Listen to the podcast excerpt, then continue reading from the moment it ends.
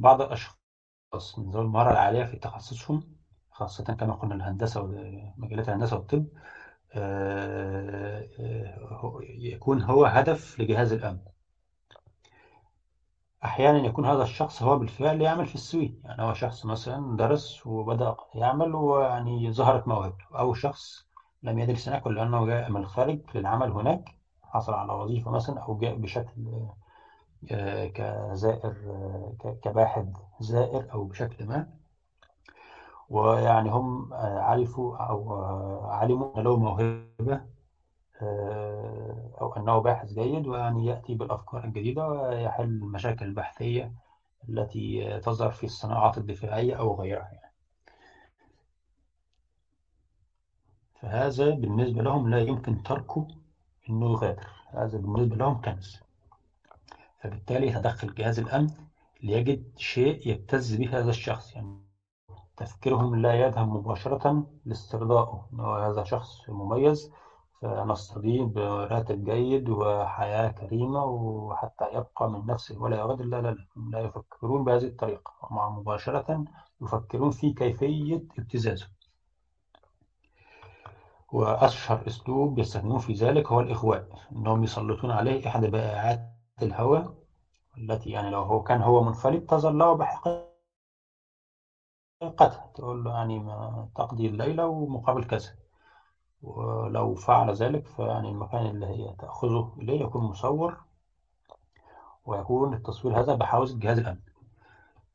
أو لو هو مثلا امتنع يعني أحيانا أو في الأغلب يعني المسلم بيأنف يعني لو تقربت منه واحدة مثل هذا يتركها وابتعد فهم يعني يلجؤون لأسلوب يعني أطول في المدة ولكنه أكثر خبثا. وتجنب هذا إيه؟ هذا الأمر. إزاي أنهم مثلا يأتون بهذه المرأة العارية ويوظفونها كسكرتارية أو في أي عمل إداري في مكان عمله بالقرب منه بحيث أنها يعني تتعامل معه يوميا. فتتقرب منه. يعني لو تلطفت له يبدأ يألفها. هنا يعني لو هي تقربت له كعائرة يبتعد مباشرة. ولكن هي تتقرب منه بشكل في العمل وهو يجب أن يتعامل معه ومع التعامل تحدث بينهم ألفة وطبعا هي يعني يكون تركيزها عليه. فيعني إذا ألفها ولا تلاعب الشيطان بغرائزه وبعقله فهم أيضا من يعني يتحينون فرصة هم أقصد بهم جهاز الأمن يتحين فرصة حتى تحدث بينهم خلوة. مثلا خلال مؤتمر ما أو في رحلة عمل يعني يتم آه، آه، يعني تدبير الأمر على أنهم إيه يكون لهم غرف متجاورة في الفندق الذي سيقومون فيه وهكذا. وطبعا إحدى الغرف بتكون مصورة يعني. آه، فلو وتعمل الفداء على أو بقى يعني كان حدث بينهم تلطف وهكذا يعني بقى في ألفة بينهم ففي الحالة دي بيكون أسهل إنها توقع. فيعني لو ضعف واستجاب لها فيعني يتم التصوير ويكون في حوزة جهاز الأمن وطبعا بمجرد أن هذا يحدث فهذه الفتاة يعني تترك العمل وتختفي من حياته ولا يراها مرة أخرى. ويبقى هذا التصوير في حوزة جهاز الأمن عند الحاجة. متى تأتي هذه الحاجة؟ الحاجة تأتي لو أن هذا الشخص قرر ترك الوظيفة. ومثلا ينتقل لدولة أوروبية أخرى أو يعود لبلده أسرع أو يخرج من الاتحاد الأوروبي. المهم أنه قرر أنه يخرج آه، من دولة السويد وبالتالي دولة السويد لن تأخذ خدماته البحثية مرة أخرى. ففي وطبعا هو كنوع من الالتزام كأي موظف يعني ملتزم ما هيبلغ مديره بذلك. وفقا للعقد أنه قبل ما يترك العمل يجب أن يبلغ بذلك شهر أو شهرين قبلها. فالمدير الذي يكون أيضا مستخدم آه، مش مستخدم هو من, من, من طبيعة وظيفته إن هو يعني يرفع معلومات على أساس الاندماج هذا عن موظفين الغير سويديين اللي هم تحت يده هذا من متطلبات وظيفته أصلا. فهذا المدير يعني لا يناقش يعني يتمنى له التوفيق. وما يقال أنه إيه يرفع هذه المعلومة على الجهاز فيصل لجهاز الأمن الذي يستخدم ما بحوزته. فالذي يحدث بقى الآتي هو يرسل له التصوير من بريد إلكتروني مجهول الهوية على خادم عام مثل ياهو أو جيميل أو أي شيء بحيث أنه لا يستطيع الشخص تتبع هذا ومعرفة من وراء هذا الأمر.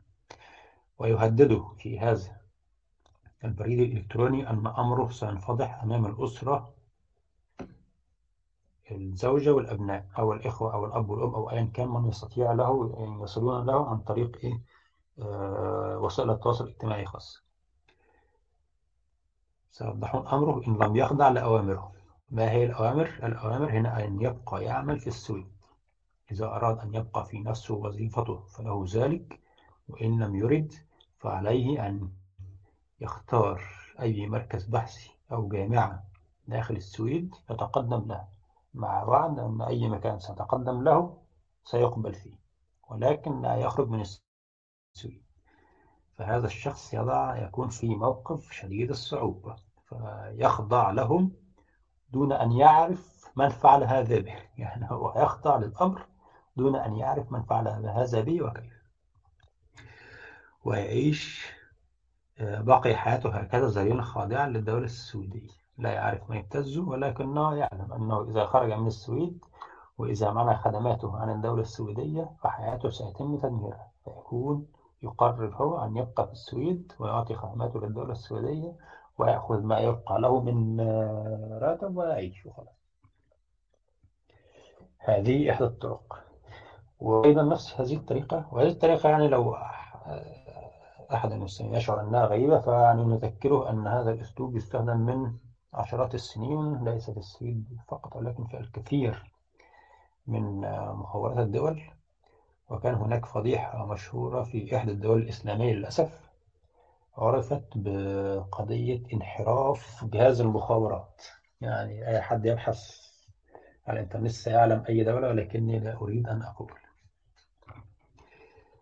وهذه الطريقة في السويد يتم أيضا استخدامها لإحضار باحثين من دول أوروبية أخرى. آه، نتكلم قليلا عن كيفية عمل المراكز البحثية في أوروبا المراكز البحثية والجامعات أولا في السويد تعاني نقص شديد جدا في الباحثين ولذلك فهم يحاولون إحضار من دول أخرى. في أوروبا بشكل عام لو أحضروا باحث أوروبي فهذا غير ممكن. هو سيعمل لديهم قليلا ولكنه يستطيع أن يغادر في أي وقت. وهم بالنسبة لهم الباحث هذا يعني ثروة استراتيجية. يعني أو يأتي يطلع على ما وصلوا إليه من نتائج بحثية التي يمكن أن تكون سرية فإذا غادر فيأخذ معه كل ما عرفه. أو إذا هو نفسه وصل لنتائج وأعطاها للمركز البحثي الذي يعمل به وبقت عندهم يعني أبحاث سرية لا يجب الاطلاع عليها فهو لو غادر فأيضا يأخذها معه. فهنا هنا يمثل خطورة إنه يعني ينشر هذه المعلومات التي توصلنا لها. فبذلك نريد أن نقول أن آه, آه كنا نتكلم عن بحث فهم لا يفضلون آه الباحث الأوروبي لأنه بسهولة يستطيع أن يغادر ويعود لبلده أو ينتقل لدولة أوروبية أخرى.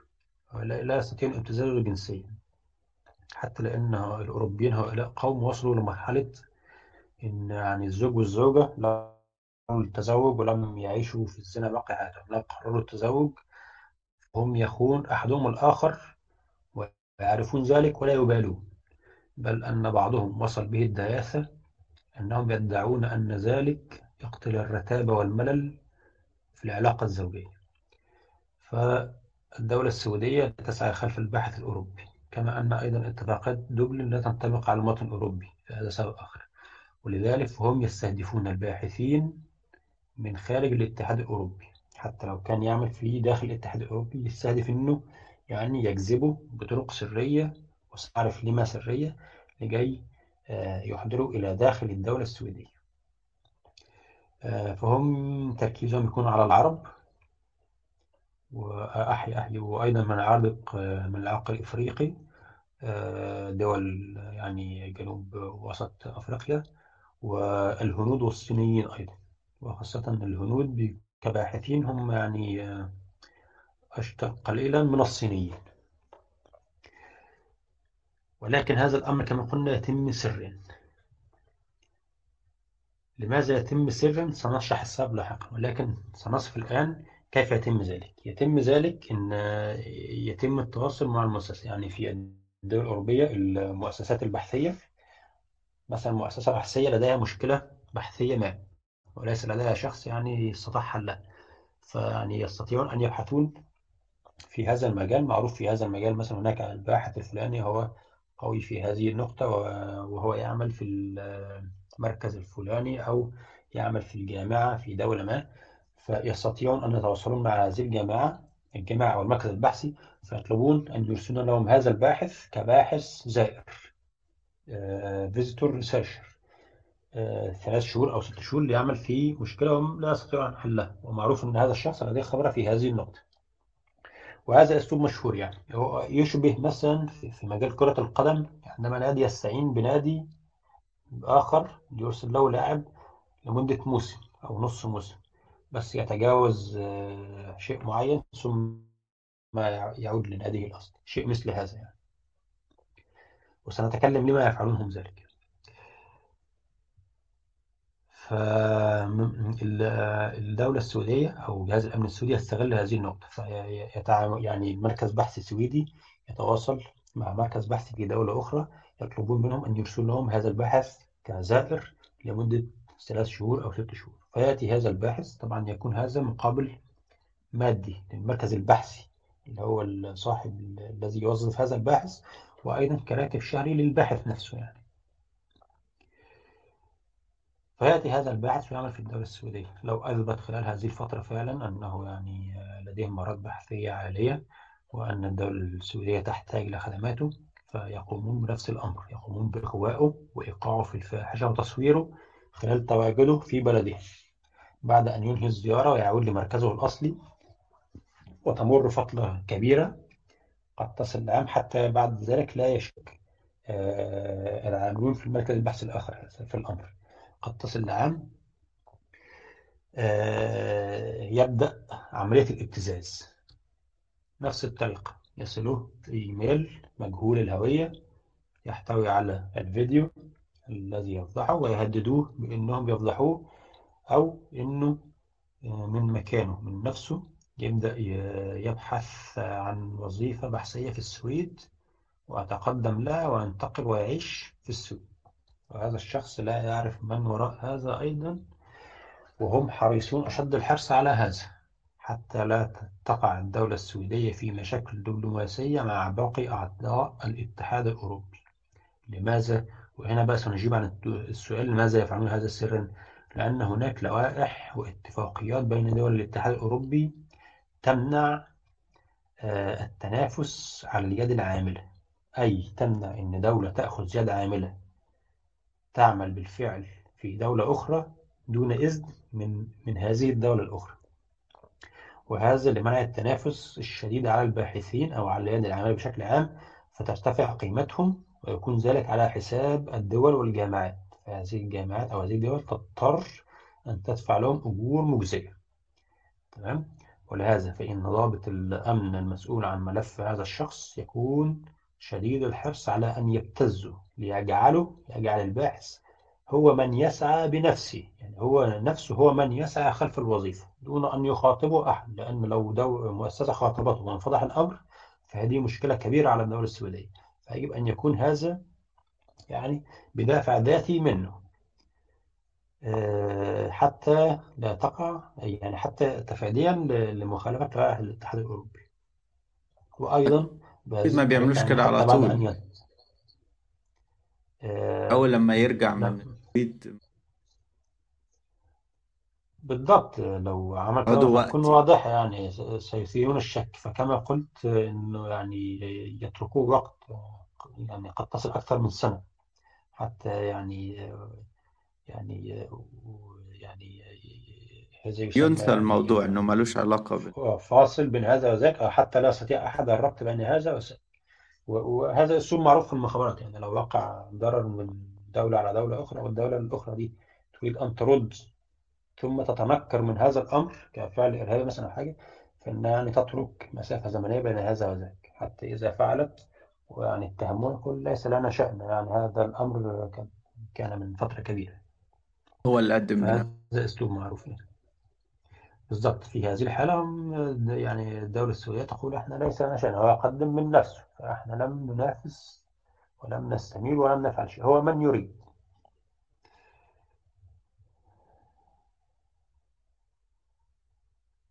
هذا أول سبب إن هو يعني يتهربوا من مخالفة لوائح الاتحاد الأوروبي. السبب الآخر إن هو يعني يستكمل عملية الاندماج. يعني هو يجب أن يقع في الفاحشة يعني حتى يستكمل عملية الاندماج ويكون تحت رحمتهم يعني هو بعد أولا هو جاء ثانيا لا يستطيع المغادرة أصلا.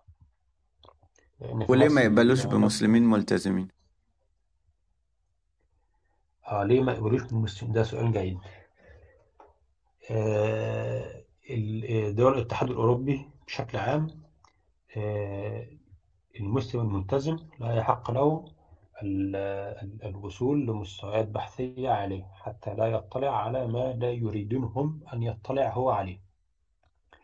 والذي هو الأبحاث الاستراتيجية الحساسة خاصة في المجال الدفاعي وفي مجال صناعة الأدوية وفي مجال البيوتكنولوجي أو يعني التكنولوجيا الحيوية. كل هذا لا يطلع عليه المسلم الملتزم. لماذا؟ لأن المسلم الملتزم ممكن أن يعود لبلده في أي وقت ويأخذ معه ما يتعلمه من تكنولوجيا. وهذا يعني يمكن أن يساعد الدول المسلمة على النهوض.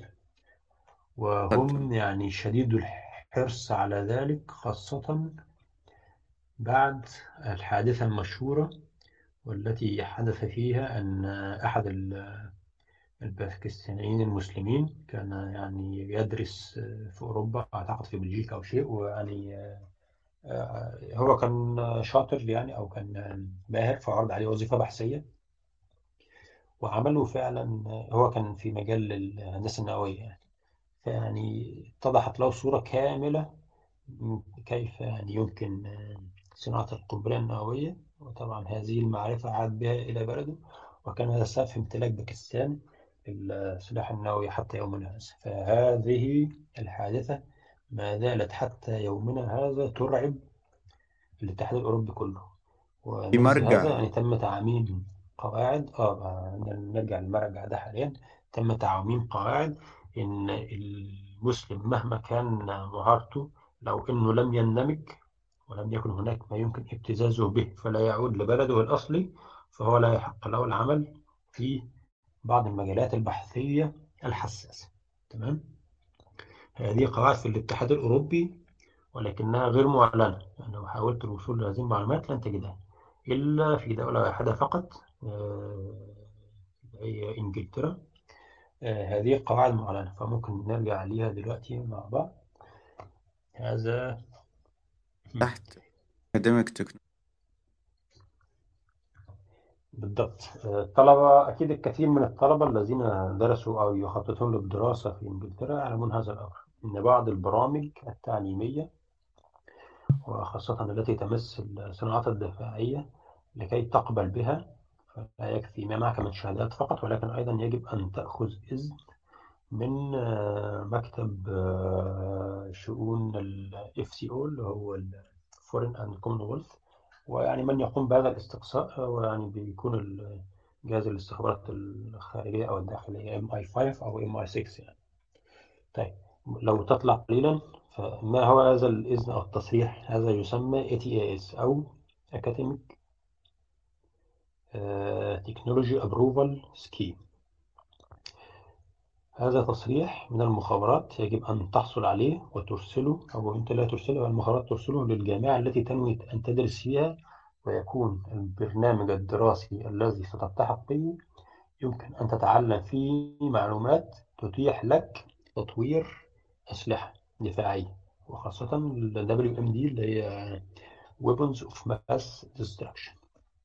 تمام؟ وطبعا الهدف المعلن لأمر هذا حتى يمنعوا وصول هذه المعرفة للإرهابيين. هذا هو ما يقولون ولكن السبب الخفي منع وصول هذه المعرفة للدول الإسلامية بشكل عام. تمام؟ فهنا إذا الطالب إذا تقدم آه، بطلب للدراسة في جامعة ما وكان البرنامج اللي هو ينوي دراسته هذا يمكن أن يحصل فيه على معلومات أو يدرس دراسات تتيح له أو معرفة مثلا في الأسلحة الكيميائية أو الأسلحة البيولوجية أو النيوكلير تكنولوجي أو, أو أي شيء من هذا القبيل فيجب أن يحصل أولا على إذن من المخابرات. وطبعا الاستخبارات لن تعطيه هذا الإذن إلا إذا قد يعني رأوا منه أنه يعني مسلم غير ملتزم وهو يعيش حياة الليبرالية وهو إذا جاء إلى هذه البلاد غالب الأمر لن يغادر لأنه اعتنى على العيش فيها ولا يستطيع أن يعيش وسط المسلمين. ومعظم من يقدم في هذا الشيء هو يتم رفض طلبه أصلا إذا كان مسلما وما زال مقيم في بلده. في أحد الأجزاء بين طلبة كده اللي هم جنسيتهم أوروبية أو من أستراليا أو كندا أو اليابان أو نيوزيلندا أو أو كوريا الجنوبية أو سويسرا أو أمريكا لأن الدول دي بالفعل لديها هذه المعرفة. يعني هم لو يعني منعوا هذه المعرفة عن طالب فهو يستطيع أن يجدها في دولة يعني أو في جامعات دولي هذه المعرفة بالفعل تدرس. فهو يعني لا حاجة إنهم يعني يمنعوا عنه هذه الدراسات لأنها بالفعل معروفة لدى الدول. إنما يعني الحاجات دي تجدها غير معروفة في دول أخرى زي الدول العربية أو الدول الأوروبية. يعني متأخرين قليلا في هذا المجال. تمام. تمام. آه في مرجع آخر أعتقد. الخامس. ده نفس ال... نفس الم...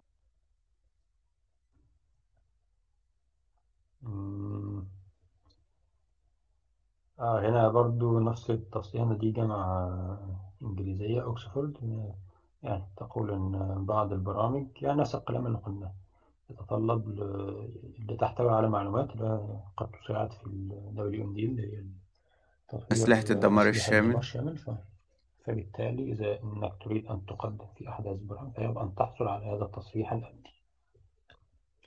تمام؟ هو نفس الشيء دوت. نفس التصريح دوت يتم أيضا في باقي الدول الأوروبية لكنه غير معلن يعني في, إنجلترا هو معلن أنت من نفسك أنت اللي هتروح تقدم طلب آه، إنهم يتحروا عنك ويأتيك بالموافقة أو بالرفض ويرسلوا للجامعة لو وافقوا فتصحيح الذهاب والدراسة لو رفضوا فأنت يعني إيه تبحث عن برنامج آخر آه، لا يقع في هذا الإطار يعني اللي هو يعني يكون برنامج كمان أقل في ال في ال أو يكون بعيدا عن المجالات الدفاعية والعسكرية. في في حاجة زي كده بس على مستوى أقل جدا في الثانية هي حاجة بسيطة.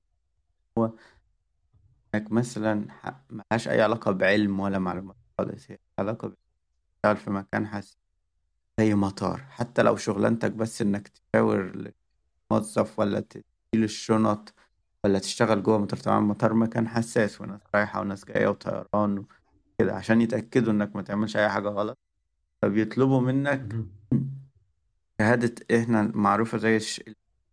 أو اللي هو الفحص الجنائي إن أنت ما عندكش أي جرائم. دي حاجة في منها مستوى أكتر من مستوى. فالمستوى الأول عادي ده اللي هو إن أنت مع البوليس ما فيش عليك أي حاجة. دي لأغلب الشغلانات ودي عادية تقدر تطلعها. في فترة قليلة جدا.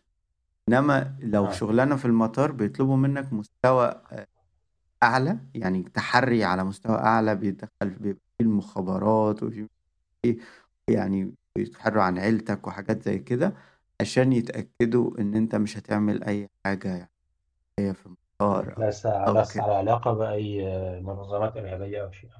هذا طبعا يعني لا لا شيء في هذا. دوت أيضا موجود في حتى دولنا العربية والإسلامية. يعني طبعا أي مجال حساس الشخص أولا لا يجب أن يكون ابن البلد. لو لو أمكن يعني.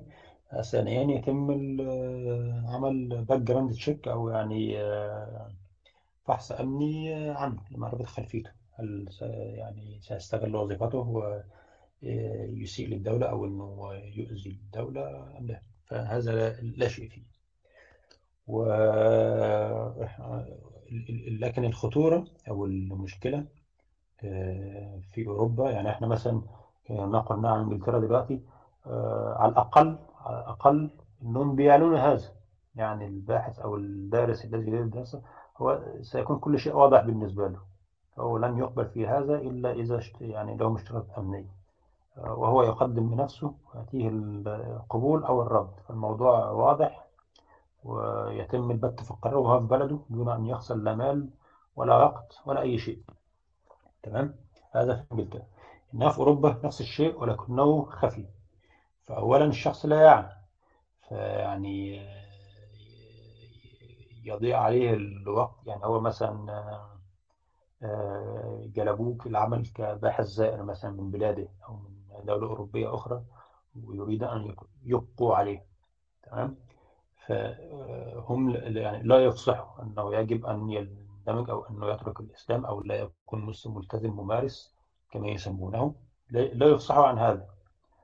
أولا ثانيا أنهم يحاولون تغييره. يعني في إنجلترا هو قبول أو رفض وملناش دعوة بيه. يعني ليس لنا عشان يعيش حياتك كانت إنما وإنجلترا بتعمل كده ليس مثلا على سبيل حرية اعتقاد. لا ولكن السبب إنهم إن هي أصلا وجهة. لأن الكثير والكثير والكثير من الطلاب يسعون للدراسة في إنجلترا وأمريكا كمان نفس الشيء. فهو لو واحد يعني شك فيه لا يريدون تغييره وفقط يرفضوه وسيأتي غيره. فبالنسبة لإنجلترا الأمر سهل يعني. لكن بالنسبة لأوروبا لأن أوروبا ليست وجهة للباحثين والدارسين مثل إنجلترا ومثل أمريكا فهم يخفون هذه الأمور حتى لا ينفرون الباحثين. وعندما يأتي الباحث يعني هو, هو, هو لو رفضوه قالوا له عد إلى بلدك أو مش هيقولوا كده يعني. هم مثلا لا يقبلوه على لأنه مسلم وملتزم ممارس فلن يجدوا غيره.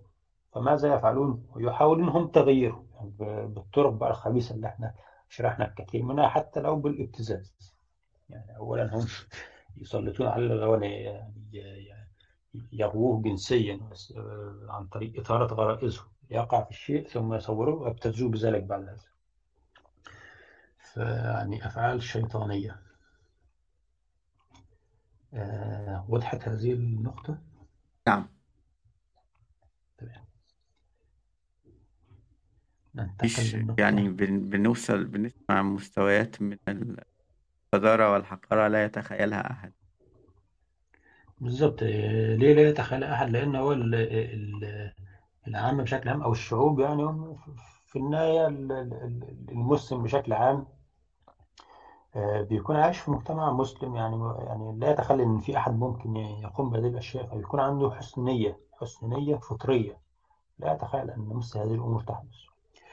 آه، فعندما يذهب لهذه المجتمعات يذهب بحسن نيته فايضا يكون محاط بناس اناس يعني شديد الخبث وشديد الكره لي ولكنه لا يرى ذلك بوضوح. ليه؟ لأنه بيفترض حسن النية دائما. دائما ما يفترض حسن النية. ولا يتضح له الأمر إلا بقى لو بعد أن يعني آه، يقع عليه أذى وضرر كبير منهم يعني للأسف. غير إن هم عاملين شغل عالي جدا يعني شغل دعائي عالي جدا إن هم بلاد الرحمة والسواء والحقوق والعدل و و و و بالظبط هم يقولون ما لا يفعلون. فهم يفعلون الخبائث ولكنهم آه، يظهرون عكس ذلك يظهرون الرحمة ويظهرون التسامح ويظهرون آه، حقوق الإنسان بل ويتشدقون بذلك ولكن من يعلم حقيقتهم يعني يجد العجب العجاب يعني يجد الاختلاف التام بين ما يقولون وبين ما يفعلون. ويعني أي شخص يعني لا يؤمن بالله تكون هذه شخصيته يعني لا تتعجب عندما ترى شخص يعني تتخبطه الشياطين فيعني كيف سيفكر وكيف سيتصرف ولكن المسلم يعني آه، قال ربنا سبحانه وتعالى يا أيها الذين آمنوا لا تقولوا ما لا تفعلون. كبر عند الله مقتا أن تقولوا ما لا تفعلون. فالمسلم بقدر الإمكان بيحاول يكون يعني ظاهره مثل باطنه. يعني يلتزم بما يقول ما يقول هو ما يفعل. وهذا يعني لذلك المسلم أيضا اللي هو حسن النية يفترض أن الآخر يعني لديه هذا الطبع فعندما يذهب يسمع لكلامهم فيفترض أن هذا الصحيح ولكن الواقع خلاف هذا تماما يعني.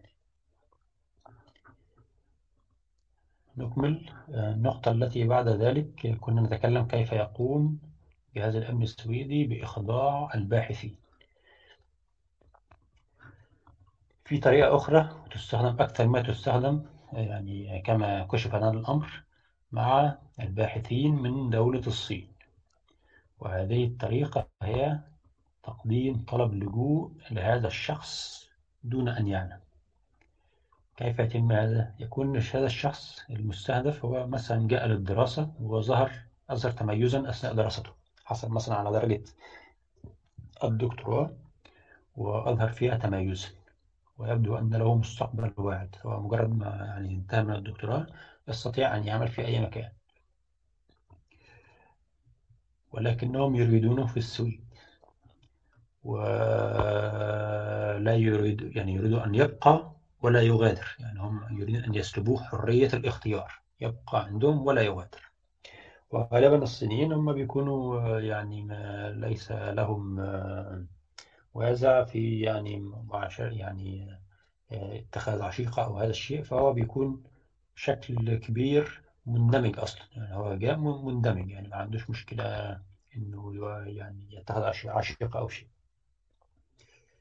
فهذا الباحث بعد أن ينتهي من الدراسة يعرض عليه وظيفة بحثية. غالبا بتكون في نفس الجامعة. يعني بعد الدكتوراه بيكون الوظيفة اسمها بوست دكتورال اللي هي الأبحاث بعد الدكتوراه يعني إنه يتفرغ للبحث والتدريس أحيانا. تمام؟ ولكنهم يريدون أن يضمنوا أنه لا يغادر. فكيف يفعلون ذلك؟ يخدعوه ويدسون أوراق طلب لجوء. تمام؟ هذا أول شيء. ورقة فيها طلب لجوء. وورقة أخرى فيها تفويض لمكتب محاماة ليتولى طلب اللجوء بتاعه طلب اللجوء الخاص بهذا تمام؟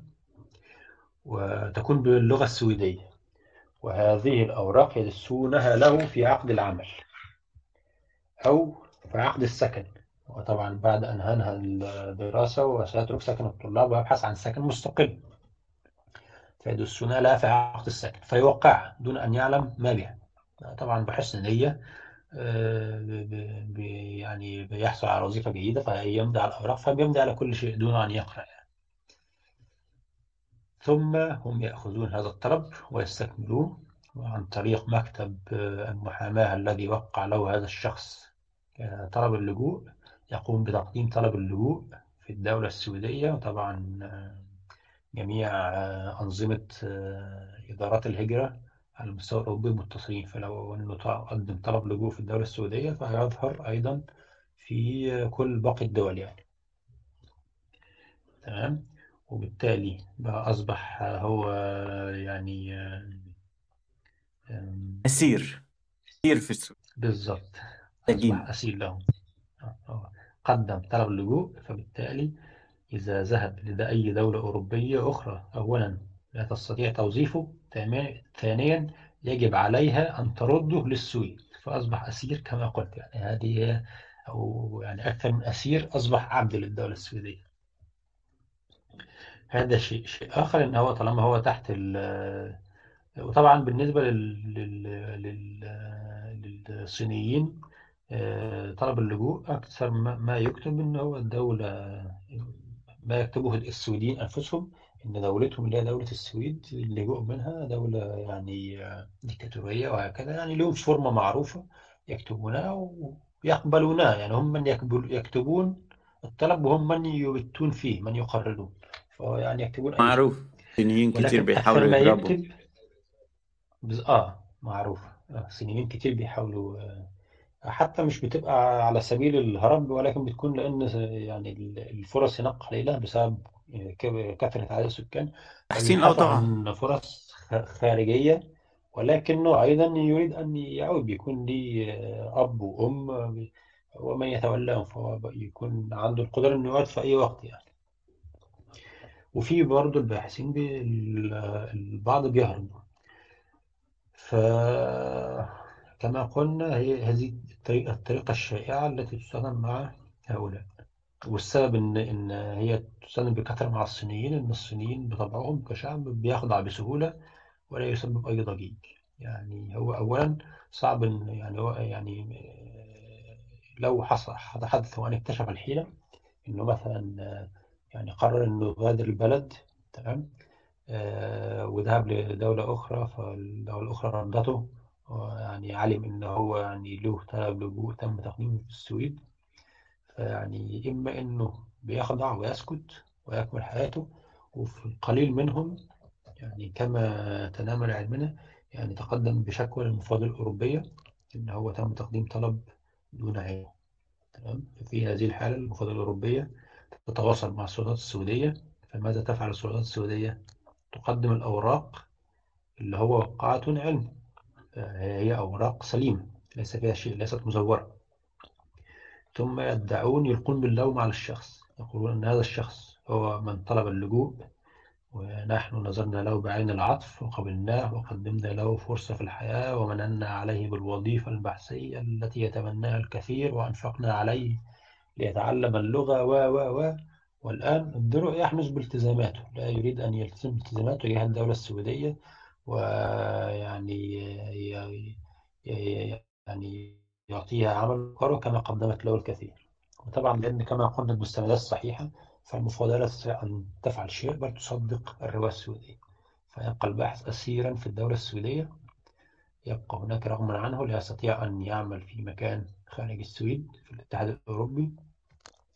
ويبقى أيضا آه، لا يستطيع السفر من الاتحاد الأوروبي كله لأن بيتم تعميم قرار منعه من السفر طول ما هو تحت آه، يعني تحت طلب لجوء.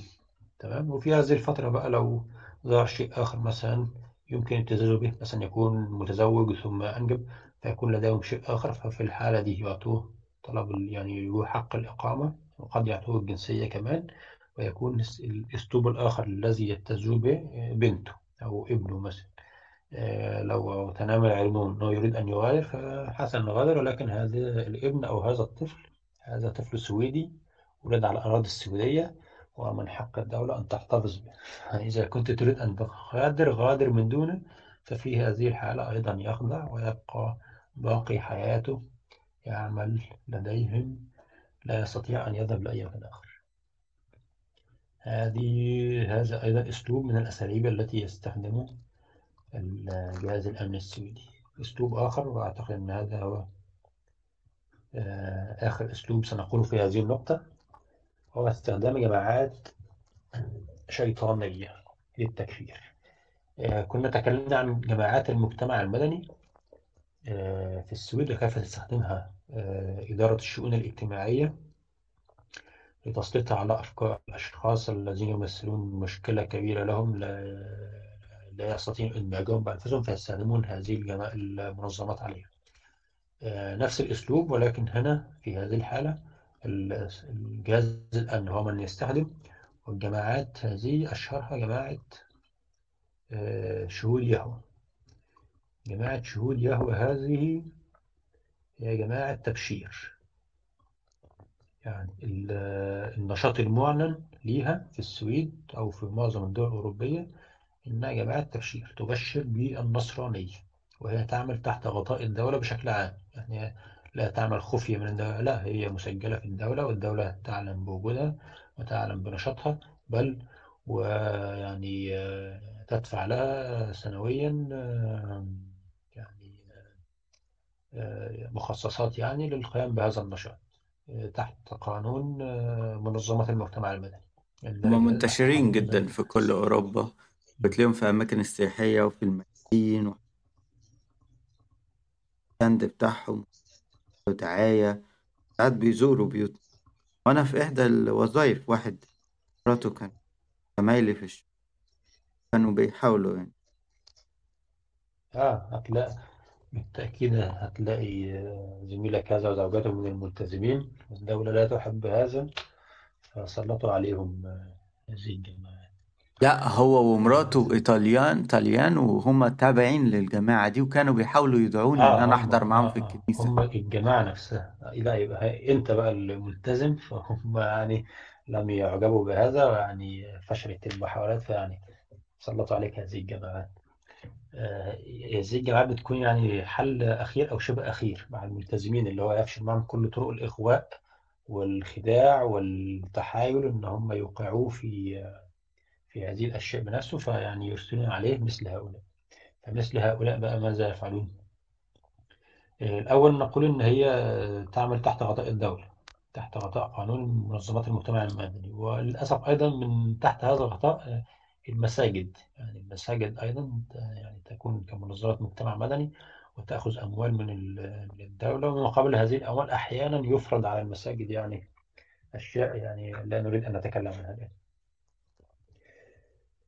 وبجانب أنها تعمل تحت غطاء الدولة فجهاز الأمن بشكل خاص يعني يستخدمها آه، إذا تطلب الأمر. آه، قلنا أن نشاطها المعلن هو التبشير ولكن النشاط الحقيقي هو تكفير المسلمين. كما قلنا في المعسكرات أن القساوسة يذهبون يأخذون يعرضون المسيحية على المسلمين وكأنها اختيار مثلا أو كأنهم مثلا يدعوهم دعوة حرة.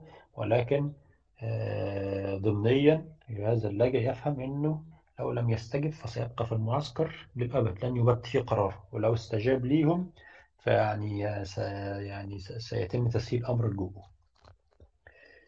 هنا نفس الكلام أو شيء مشابه هم يأتون لل يعني هو وطبعا التنصير اللي قلناه هو ليس تنصير ولكن هو في الواقع تكفير يعني لما يروح الشخص هنا ويقرب بالمسيح عيسى آه، هو الإله أو يسجد لصنم المسيح عيسى أو يتمسح بصورة للسيدة العذراء. فكل هذا شرك يعني معروف مش مش محتاج فتوى.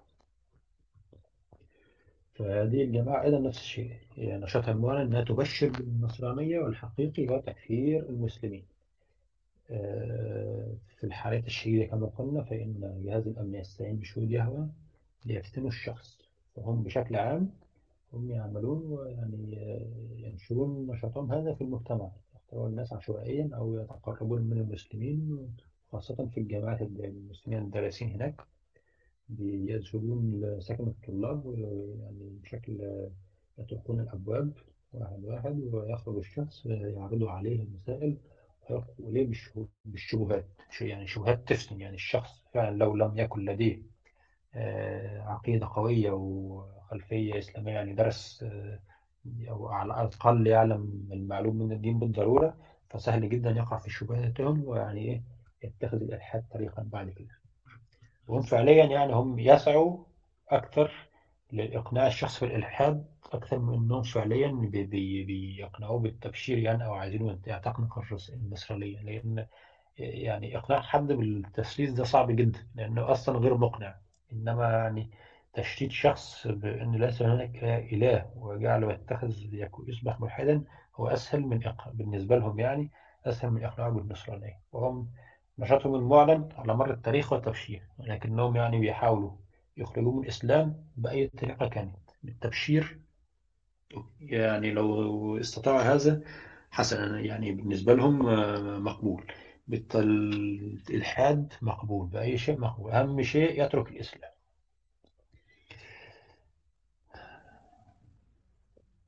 فأهم شيء هم يستهدفون توحيده. أهم يترك التوحيد والإيمان بشكل عام. أو على الأقل يترك الدين بشكل. بشكل كامل ويعني يعني يستجيب لرغباته ونزواته والإغواءات الجنسية التي إيه تعرض عليه في هذه البلاد. وهذه الجماعة أيضا معروف أن يعني لو فشلت في استخدام الشبهات والفتن فهم يعني لا يتورعون أن يلجوا لطرق قذرة مثل السحر. السحر الأسود منتشر بكثرة في هذه البلاد. يقوم به اليهود وهم أكثر شهود يهوه من اليهود وليس من المسيحيين. كما يدعوا هم يهود متخفيين في ثياب المسيحيين حتى يبعثوا حتى يبعدوا الشبهات عن اليهود حتى لا يعني يكرههم أو يستهدفهم المجتمعات مرة أخرى كما حدث سابقا. فهي جماعات يهودية تتخفى في غطاء المسيحية. والكثير والكثير تكلموا عن هذه الجماعات فيعني لم نستفيد في الكلام عنها. ولكن نقول أن هذه ما نؤكد عليه أن هذه الجماعات تعمل في هذه البلاد تحت غطاء أجهزة الأمن في كل بلد يعني أجهزة الأمن. تعلمها تعلم بنشاطها بل ويستخدمونها على المسلم الملتزم الذي لا يريد أن يدخل دين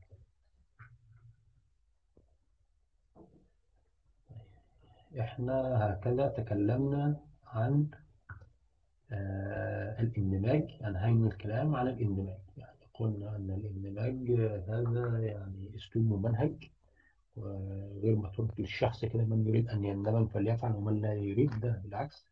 هناك أساليب نفسية تعتمد على الخبث والإغواء والتحايل و و و. وشرحناها وشرحنا بالتفصيل كيف تتم على أرض الواقع. وشرحنا من المسؤول عن هذا ومن يفعل ماذا ومن المسؤول عن تجميع المعلومات ومن المسؤول عن العمليات عن الأرض ومن المسؤول عن اتخاذ القرار. وأن هذه المعلومات تكون متاحة على نظام التسجيل المدني فيستطيع غير هؤلاء الوصول إليها. من هم غير هؤلاء؟ سنعرف في هذه النقطة. في هذه النقطة سنتكلم عن نظام التوظيف في هذه البلاد. حسب أولا يعني سنتكلم سنعطي نبذة عن يعني بعض لوائح الاتحاد الأوروبي الخاصة بالتوظيف. حسب وضع الشخص داخل الاتحاد الأوروبي فهو يخضع للوائح وقواعد توظيف وإقامة الهدف منها الحفاظ على حقوق الدول الأعضاء. ليس حقوق الشخص نفسه لكن حقوق الدول الأعضاء. وأن تمنع تنافس هذه الدول على اليد العاملة فيما بينها. لأن لو حدث ذلك فسوف يضر هذا بجميع الدول الأعضاء. لماذا؟ لأن هذا يرفع من قيمة اليد العاملة نفسها بسبب زيادة الطلب عليها. فتضطر الدول الأعضاء في الاتحاد يعني الأوروبي لإعطاء رواتب مجزية لهذه اليد العاملة. أولا. ثانيا توفير بيئة عمل تحترم حقوقهم حقا ولا تستعبدهم حتى تستطيع أن تجذبهم لها لو كان هناك منافسة. وحتى لا تغادر هذه اليد العاملة لدول أخرى. نختصر هذه اللوائح كالآتي. وضع اللاجئ في دولة أوروبية كما قلنا سابقا وكان سنقوله مرة أخرى ولا يستطيع مواطنة الاتحاد الأوروبي حتى يحصل على إقامة دائمة أو جنسية دولة اللجوء طالما هو في حيازات إقامة مؤقتة ولا يستطيع المغادرة. مغادرة الاتحاد الأوروبي بشكل كامل. وأيضا لا يستطيع العمل في أي دولة أوروبية بخلاف دولة اللجوء ولا الإقامة في أي دولة أوروبية أخرى. أكثر من ثلاث أشهر. تكون على سبيل الزيارة يعني. وهذا وفقا لاتفاقية دبلن ولو خالف ذلك فالدولة التي انتقل إليها عليها أن ترده لدولة اللجوء. هذا وضع اللاجئ وضع مواطن من دولة خارج الاتحاد الأوروبي. ذهب للعمل بداخل الاتحاد الأوروبي. وضعه كالآتي. الدولة التي استجلبته للمرة الأولى. يعني الدولة التي جاءت به من بلاده وأعطته فيزا دخول الشنجن للمرة الأولى وظفته لها اليد العليا في عملية توظيفه في كامل الاتحاد الأوروبي. وهو بعد ذلك بعد أن عمل لدى هذه الدولة. لو أراد أن ينتقل للعمل في دولة أوروبية أخرى فإن هذه الدولة الأخرى قبل أن توظفه تحتاج أن تأخذ إذن من الدولة التي جلبته والتي هو يعمل لديها حاليا. وإلا إن لم تعطيها هذه الدولة الإذن فلن يسمح للدولة الأخرى هذه بتوظيفه. ولإحضار شخص من خارج الاتحاد الأوروبي لا يجوز للدولة أو المؤسسة العضو والمؤسسة في دولة عضو أن تتواصل معهم بشكل مباشر ولكن يجب أن تكون عملية التوظيف من خلال إعلان مفتوح على إحدى منصات التوظيف المجانية ولمدة لا تقل عن عشر أيام. والسبب في ذلك أيضا لمنع المنافسة على جلب اليد العاملة من خارج الاتحاد الأوروبي فلو سمح للشركات التواصل مباشرة مع الأشخاص المستهدفين خارج الاتحاد الأوروبي سيظهر هذا شدة العجز عندهم في اليد العاملة. وبذلك الأشخاص ذوي المهارة highly skilled سيمكن أن يصلهم أكثر من عرض وسيتم استغلال ذلك في التفاوض وبالتالي الحصول على راتب عالي. فهذا في النهاية سيؤدي إلى إعطاء ميزة لليد العاملة على هذه الشركات. يعني ممكن أن نشبه هذا النظام بشكل كبير آه، بنظام مثلا في مجال كرة القدم واستخدم هذا كمثال لأنه معروف يعني ليس خفي على الكثير. في أندية الأندية الأوروبية مثلا هناك نظام لانتقال اللاعبين بين الأندية الأوروبية والهدف من هذا النظام عدم استعلاء اللاعبين على الأندية بل يجب أن يبقى اللاعب في النادي خاضع للنادي لا يستطيع أن يتواصل نادي مع لاعب في نادي آخر أو يضم دون أن يستأذن نادي. آه، نظام التوظيف حتى العادي في الوظائف العادية يشبه بشكل كبير آه، هذا النظام.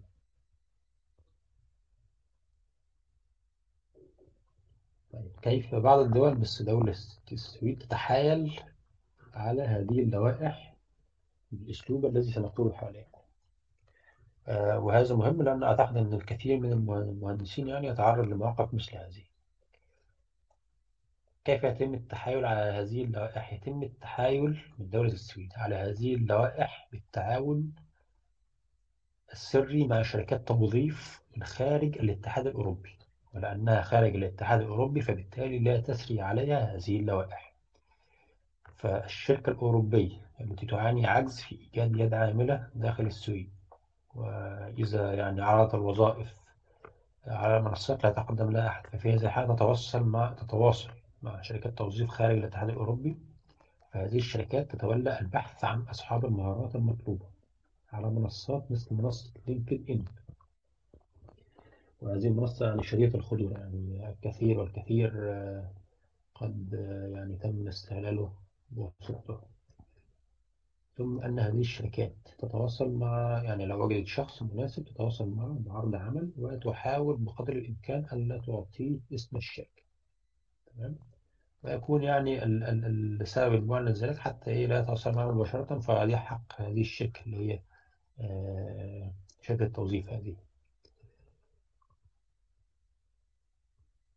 ولكن ما يعرضون عليه هو الوظيفة المطلوبة مطلوب مثلا مهندس آه، برمجيات ولديه خبرة في لغة برمجة كذا وكذا وكذا فيكون مطلوبة عمله أن يفعل هذا وذاك. هذا هو ما يعرض عليه. وتم التفاوض معه على الراتب ثم أن ي... بعد أن يتم الاتفاق ويوقع الشخص عقد العمل مع الشركة تتواصل الشركة شركة التوظيف هذه مع الشركة الأصلية تمام؟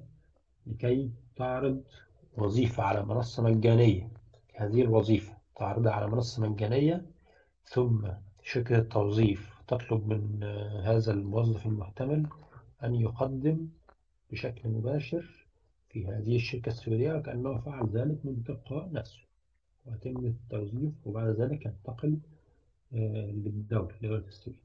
فبذلك دولة السويد أمام الاتحاد الأوروبي لم تخرق اللوائح بل اتبعتها ولو انفضح الأمر فالدولة السويدية تنكر معرفتها بشكل التوظيف وهم في كل أمر وكل خطوة يخطونها يتركون فرصة لكي إيه يعني ينكروا ما حدث أو ينكروا صلتهم بما حدث. يعني جميع أفعالهم أفعال قذرة وجميع أفعالهم يعني عند التخطيط يخططون كيف ينكرونها إذا كشف الأمر الآن نتكلم عن شركات التوظيف. آه، هذه تنتشر تحت أسماء كثيرة مثل مثلا head hunting أو talent acquisition أو outsourcing وهذه ليست أسماء شركات ولكنها category يعني يعني زي مثلا عندما تقول شركات في مجال الإنشاء. مجال الإنشاء هذا يعني مجال. آه، مجال التوظيف آه، الأسماء التي تسمى له head hunting اللي هو اصطياد العقول أو talent acquisition ضم المهارات outsourcing اللي هو آه، تأجير العمالة يعني. فكل هذه الشركات تندرج تحت هذه المجالات. ويعني نحذر من هذه الشركات. فلو تواصلت معك شركة من هذه الشركات عن طريق مثلا حسابك على لينكد إن أو يعني غيره من منصات التوظيف. يعني لا تعتقد أنك كذا موهبة مثلا وهم يسعون لك وإذا ذهبت هناك سيكنون لك الإحترام والتقدير ويعطيك حقوق. لا بالعكس سيتم استغلالك واستعبادك. لماذا كما قلنا؟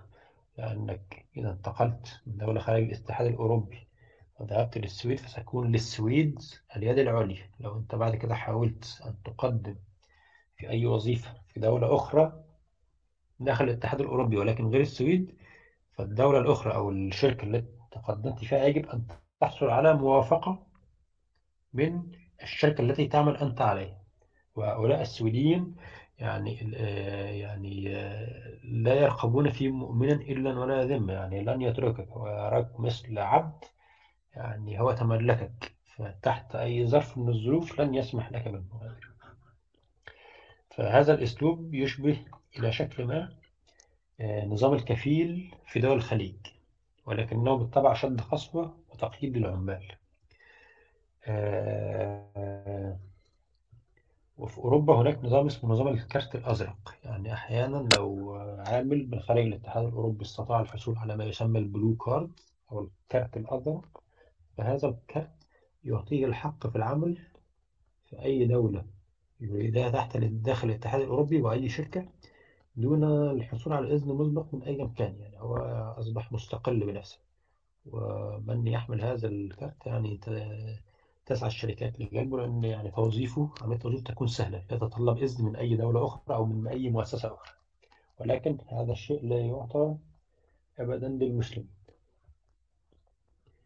آه هذا الكارت الأزرق لو قارنا بدول الخليج يشبه ما يسمى بالفيزا الحرة. الفيزا الحرة أن الشخص المصري مثلا يذهب إلى دولة الخليج على الفيزا الحرة فلا يكون له كفيل هو حر نفسه يعمل أينما يشاء ويترك العمل وقتما يشاء ويلتحق بعمل آخر يعني لا يمنعه أحد عن هذا. لا بس هو طبعا يعني آسف للقطع بس في في مسلمين معهم كارت. يمكن أكتر حاجة بس موجود. أعتقد يعني لو أنت تعرف أعتقد أن ستجد أن يعني سنهم كبير. يعني هم كان حصلوا عليه من فترة كبيرة يعني قبل أن يكون الأمر بهذه الصرامة الموجودة حاليا. إنما تجد مثلا واحد صغير مثلا حاليا أو يعني آه، في بداية آه، حياته العملية أو حتى منتصفها ويقدم على هذا الكارت ويحصل عليه صعب. ولكن بالطبع هناك استثناءات يعني. هي في وظائف معينة وطبعا هو بصراحة اللي بشايفه إن الهنود بياخدوها. غير المسلم وبالنسبة للمسلمين اللي تعرفهم آه، سنهم كبير صغير أو يعني في أواخر الثلاثينات يعني ممكن يكون هو يعني قد قد هي مش النسبة مش كبيرة وبتبقى وظيفة أو وظيفتين معينة كم وظيفة معينة. ولازم طبعا لها شروط يعني. مرتب معين أقل منه لو أنت هتحصل على وظيفة مرتب أقل عمرك ما هتاخد لازم تكون عليك معروض وظيفة بمرتب عالي. هي شروطها أصعب من الإقامة العادية يعني. هي شروطها صعبة جدا وهي في النهاية مثلا دي بتكون يعني أحيانا بعض الوظائف يعني هم يعني يحتاجونها بشكل يعني كبير ويجب أن هم بقى يقبلوا الشخص كما هو. مسلم مش مسلم مش هيعملوا مش يعني لن يستطيعون أن يفعلوا معه شيء.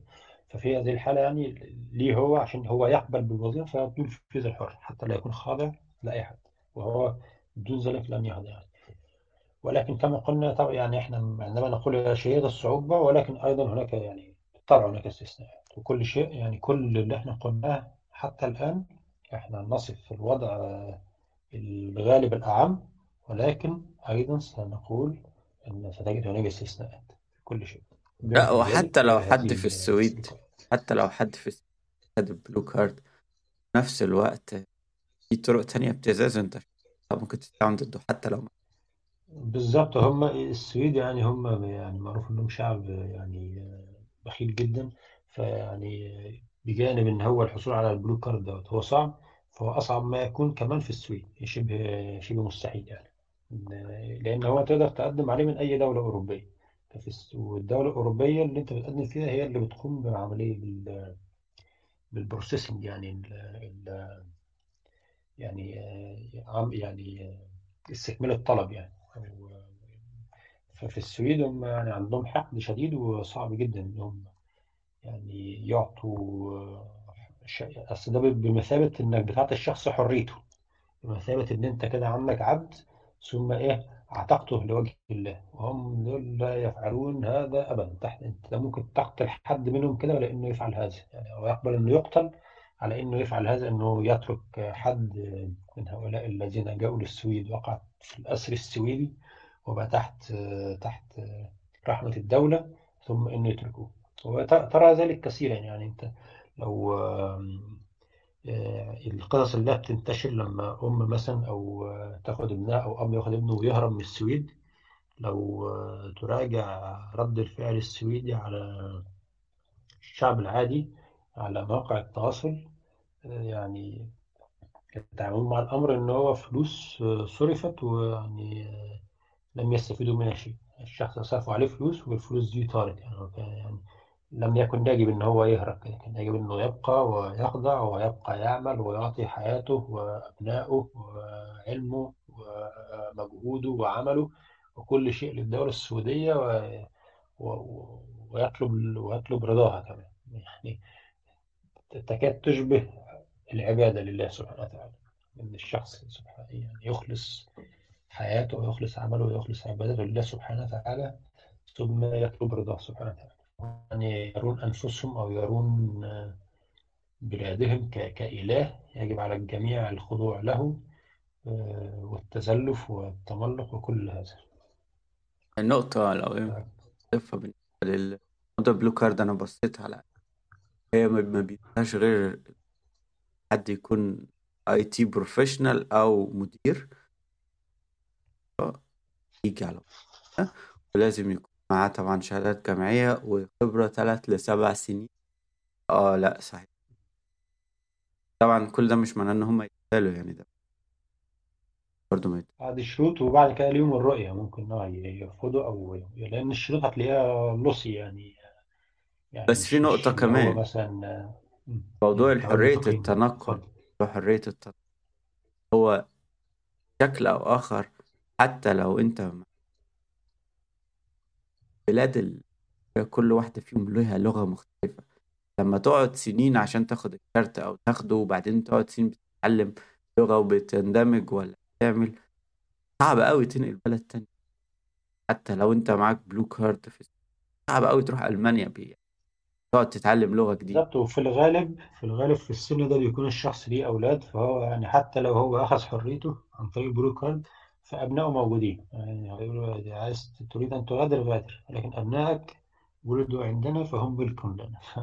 اذهب واتركه يعني قبل أن يأتوه هذا يعني آه، يعني ي- يمسكوه من ناحية أخرى. يعني قبل أن يطلقوه من هذا الاتجاه هم يعني يجدون طريقة أخرى لتقييده. نعم. ففي النهاية هم دائما يعني كما قلنا هم يروا كعبد يجب أن يبقوك خاضعا طوال الوقت. أو يروا المسلم أو من يذهب للعمل هناك أو للعيش يروا كعبد هم أصحاب الأرض وهو عبد يبقى دائما تحت رحمة الدولة. صحيح. فدي آه كنا نتكلم آه، يعني النظام ده شبيه بنظام الكفيل ولكن يجب أن نعطي الحق لأصحابه إن في النهاية دول الخليج هذه العامل. وأولا دول الخليج ليه يعني, يعني لماذا يعني آه، وضعت نظام الكفيل؟ لأن العامل غالبا بيكون ضعيف التعليم وليس لديه التزام أو شيء فهو يأتي بعد أن الكفيل بتاعه أو الشركة التي استجلبته من بلاده آه، دفعت مثلا له الكثير فهو يأتي يعمل شهر أو شيء ثم يترك حتى دون أن أن يبلغ أنه سيترك العمل. ويلزم العمل في إيه؟ مكان آخر في في نفس الدولة أو شيء فهذا يعني يضيع حقوق أصحاب العمل. عشان لهذا هم يعني وضعوا هذا النظام الكفيل فالعامل لا يستطيع أن يترك عمل ويذهب لعمل آخر إلا بإذن العمل الحالي. آه، هذا حماية أو حفاظا على حقوق العامل ال- أصحاب العمل. وهذا القانون بقى لو تعمقت فيه هناك أيضا ما يحفظ حق العامل نفسه وهناك المجالس أو المؤسسات التي تبت في الأمر لو أن حدث حدث مشكلة وأحدهم اشتكى الآخر يبتون في الأمر ويردون الحق آه، لصاحبه. وفي النهاية مجتمع مسلم. مجتمع مسلم يرعى حقوق العامل وأصحاب العمل ولكن في أوروبا لو إن المسلم وقع تحت رحمة الأوروبي اللي هو الكافر أو الملحد اللي هو الكاره للدين والمتدينين فلن يأخذوا به شفقة شفقة ولا رحمة. وهذا في قول ربنا سبحانه وتعالى كيف وإن يظهروا عليكم لا يرقبوا فيكم إلا ولا ذمة.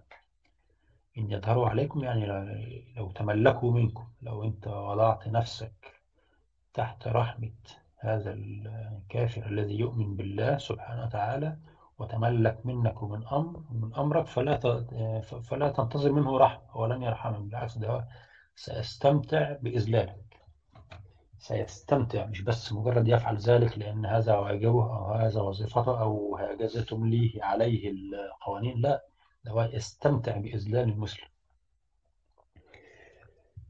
ثم تكمل الآية يردونكم بأفواههم وتأبى قلوبهم وأكثرهم فاسقون. وهذا برضو من عايش, من عايش هذه الأمم يرى ذلك واضحا. الشخص منهم يتظاهر بالسماحة باستخدام أنعم الكلمات ويقابلها بالابتسامة ولكن قلوبهم مليئة بالحقد أولا على ربنا الله سبحانه وتعالى ثم على كل من آمن بالله.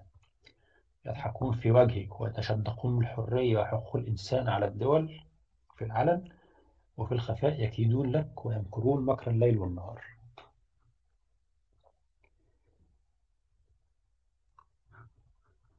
ربنا يحمينا ويحمي المسلمين جميعا من بيحصل اللهم آمين.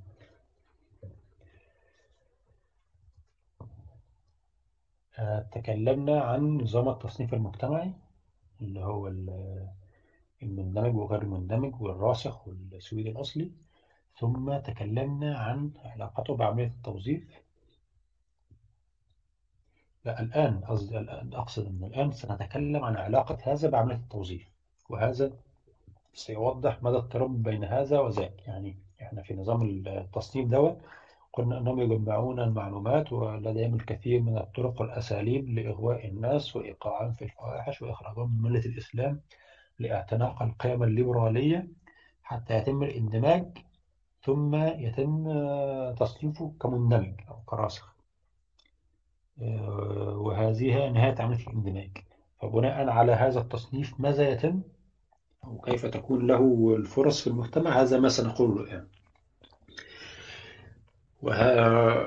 وبسبب مدى الترابط بين الاثنين بين الاندماج وبين التوظيف يعني نتفهم سبب أن الوزارتين وزارة التوظيف مع وزارة الاندماج قد تم دمجهم كما قلنا سابقا في وزارة واحدة.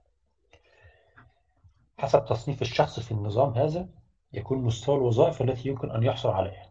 الغير مندمج غير مندمج. هو لا يحصل على الوظائف لا يحصل إلا على الوظائف البسيطة حتى حتى يكمل عملية اندماجه. وذلك قبل أن يحصل على إقامة دائمة. فالإقامة الدائمة تتطلب أن يكون اندمج وإذا اندمج وحصل على الإقامة الدائمة فيستطيع أن يحصل على وظيفة أفضل. تمام؟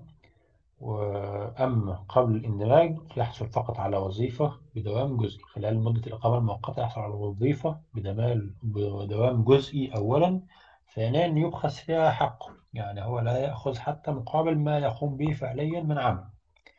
ولذلك حتى يبقى يعتمد على المساعدات ويبقى تحت رحمة البلديات والشؤون الاجتماعية. يبقى خاضعا لهم فينفذ ما يملونه عليه خفيا. الوظائف البسيطة هذه تكون مثل العمل في مطعم أو توصيل طلبات أو سائق تاكسي أو في النظافة. فكل هذه الوظائف البسيطة يسمح بها يسمح بالتوظيف فيها دون اندماج بسبب العجز الشديد في الأيدي العاملة عندهم بالنسبة للاجئين هذا بالنسبة للاجئ. مهما كان مستوى التعليم سيعمل في هذه الوظائف حتى يكمل عملية الاندماج. أما بالنسبة للمغتربين المغترب كما قلنا واحد ليس لاجئ هو ذهب بأمواله. هناك يبحث عن عمل أو يبحث عن حياة. يعتقد أنها ستكون أفضل من المكان الذي جاء منه. أو بالنسبة للطلاب الجامعيين الذين درسوا هناك وأنهوا فترة الدراسة ويبحثون عن عمل. فكما قلنا أحيانا يمكن يمكن أن الطالب يندمج خلال فترة الدراسة. وضحنا أساليبهم في في هذا الأمر. فلو كان هو كذلك فمجرد أنه ينتهي من الدراسة فلو قدم على أي وظيفة في أي شركة طالما هو مندمج فلهم الحق في أن طبعا نقول أن موظفين الموارد البشرية HR Human Resources في جميع الشركات السويدية يستطيعون الولوج للنظام نظام السجل المدني هذا لفحص الحالة لتكون بالأحرف الأولى فقط. فلو وجدوه أنه integrated integrated فبالتالي يمكن توظيفه. فيتم المقابلة وهكذا. وإذا كان مناسب بالعمل فيتم فيتم توظيفه يعني. ولكن إن إذا تقدم بالسيرة الذاتية ووجدوا أنه غير مندمج فهم لن ينظروا أساسا لطلبه بل يتم الرفض مباشرة أو حتى لا يردون عليه. يعني هو يرسل ولا يتلقى أي رد لا دعوة لمقابلة ولا حتى رفض وكأنه غير موجود وكأنه لم يقدم طلب أساسا. السبب في ذلك حتى لا يخرقون اللوائح فهم لا يستطيعون توظيف شخص لم يندمج بعد. الدولة تفرض عليهم هذا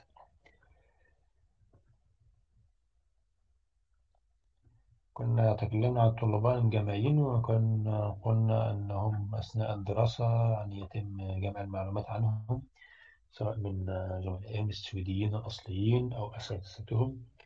وأنه لو يعني انزلق وبدأ يواعد الفتيات وهكذا فهذا يعني من السهل أنه يجد عمل مباشرة بعد أن ينهي دراسته لو أنهاها. أما من يستعصم ويكمل برنامجه التعليمي دون أن يقع في الفواحش وقلنا أن في هذه المدة في خلال فترة الدراسة الدولة لا تتدخل بشكل لصيق حتى يعني لا ينكشف الأمر لأن كما قلنا هؤلاء الطلاب يعني سهل أنهم يخرجوا من البلاد وسهل أنهم يفضحوا الأمر من غيرهم فلا يأتي الطلاب بعد ذلك في السنة التالية. ولكن فالشاب مثل هذا الذي يعني أنهى الدراسة ولم لم لم يندمج فيكون من المستحيل له إنه إيه بعد الدراسة هو يعني له الحق إنه يقدم على ما يسمى فيزا البحث عن العمل وتكون صالحة لمدة ست أشهر أو عام تختلف من دولة لأخرى. والغرض من هذه الفيزا هو يعني إعطاء أنفسهم مهلة ست شهور يحاولوا إدماجه يعني هو أنهى دراسته وخلص نهاية الدراسة لم يندمج من نفسه فيعطون أنفسهم مهلة ست شهور في محاولة إدماجه لو اندمج سيحصل على وظيفة ويبقى في البلاد يستفيدون هم منه أو إن لم يندمج فيعني لم يحصل على شيء فتنتهي الست أشهر ثم يعود طوعا من نفسه لبلاده.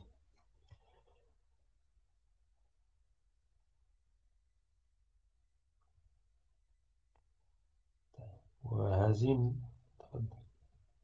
أم...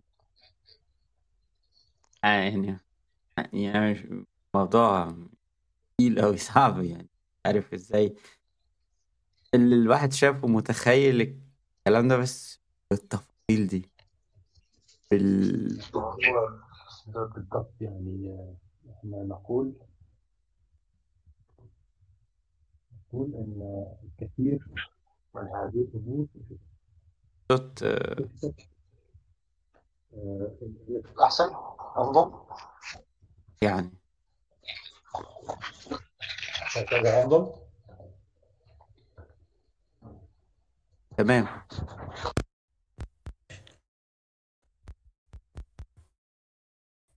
نقول أن الكثير من هذه التفاصيل كشفت ولكن يعني بشكل منفرد. عندما مثلا لو لديك موضوع كبير ثم انكشف منه تفصيلة من هنا وتفصيلة من هنا فأنت يعني لا ترى الصورة بشكل كامل فيصعب عليك تخيلها. ولكن كما قلنا في البداية هذه هذا البحث الميداني الاستقصائي تم بشكل احترافي آه، من على الأرض السعودية نفسها. هو كشف لنا النظام من بداياته لنهايته فهذا ما نحاول الآن إظهاره أن نظهر الصورة بشكل كامل. وأنت يعني أو أي شخص لو قارن بين هذه الصورة الكاملة وبين ما تسرب من معلومات سيجد أن كل ما قيل يمكن أن تكون كشهادات لصحة ما قلناه الآن. يعني تنطبق مع ما قلناه ولكنها إيه؟ بشكل يعني ملحوظة يعني عندما تسمعها لا ترى الصورة كاملة. فنحن هنا نضع نضع أمام المسلمين الصورة كاملة ويقارن هو بنفسه بين هذا وبين الشهادات التي تسربت من هذه البلاد. ليعلم مدى صحة هذا الشيء. وأهم ما نؤكد عليه أن كل ما يتم يتم بأسلوب ممنهج وليس عشوائي وليس مواقف آه، تعرض لها أشخاص وأشخاص لا. لا هذا أسلوب ممنهج. هم يعني يسعون لتطبيق هذا على الجميع.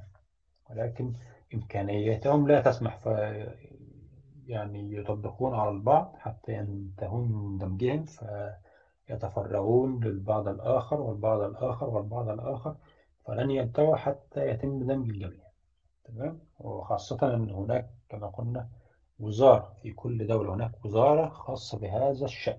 يعني الناس موظفين شغلهم يذهب هكذا في الصباح حتى نهاية دوامه. كل عمله أنه يتابع حالات الأشخاص المندمج والغير مندمج وهذا ما يجمع معلومات عن هذا أو يستخدم من يحاول إغواء هذا.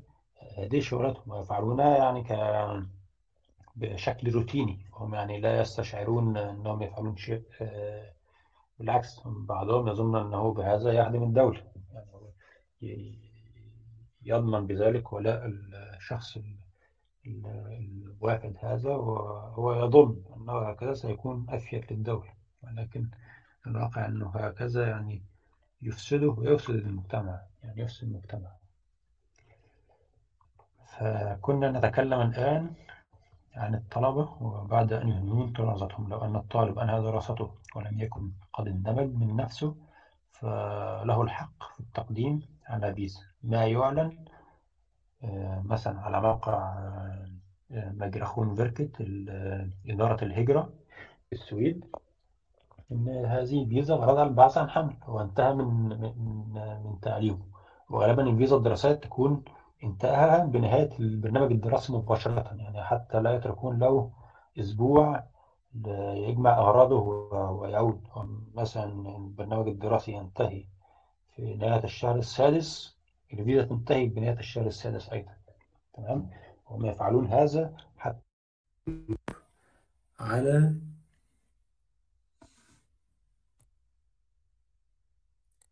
يفعلون حتى يجبروا هذه الفيزا البحث عنها يسمونها فيزا extension أو تمديد للفيزا. في هذه الفترة الست أشهر فإن الدولة تحاول أن تستخدم ما وصفناه سابقا من بعض الأساليب لمحاولة دمج هذا الشخص لو لم يكن قد اندمج بالفعل. لو نجح مع الاندماج فيعني يتم قبوله في عمل. طبعا يعني لو هو بقى هذه الفترة فهو يبقى ليبحث عن عمل. طبيعي أنه سيقدم في أكثر من مكان. فلو يعني تنازل وقبل بشروطهم أو يعني إنصاع لهم فيجد وظيفة لو لم مستمسك فيتنتهي ست شهور دون أن يأتيه أي عرض عمل أو حتى أن يرد عليه أي شركة فبالتالي يجمع أغراضه ويعود إلى بلده. تمام؟ تمام حاليا في هذا العام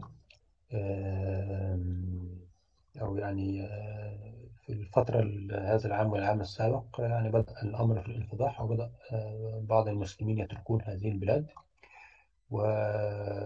والعودة لبلادهم أو الخروج لبلاد مسلم مسلمة أخرى يعني. فبدأت هذه البلاد تعاني من أكثر وأكثر من الحاجة للعمالة فبدأوا يسعون للبحث عن طرق أخرى لاستخدام العمالة وخاصة العمالة الماهرة. العمالة الماهرة التي لديها خبرة تأتي تعمل مباشرة. تمام؟ هم لا يستطيعون أن يصبروا مثلا يستجلبوا لاجئ ويبقى عام أو عامين قبل أن يحصل على حق اللجوء ثم يبدأ في العمل. لا هم يريدون واحد يأتي من بلده يعمل مباشرة. وهم في حاجة بس يعني الكثير ترك عمله وعاد ولا يجدون بديل له. هذه وظائف يعني ما يقول urgent يعني عاجلة.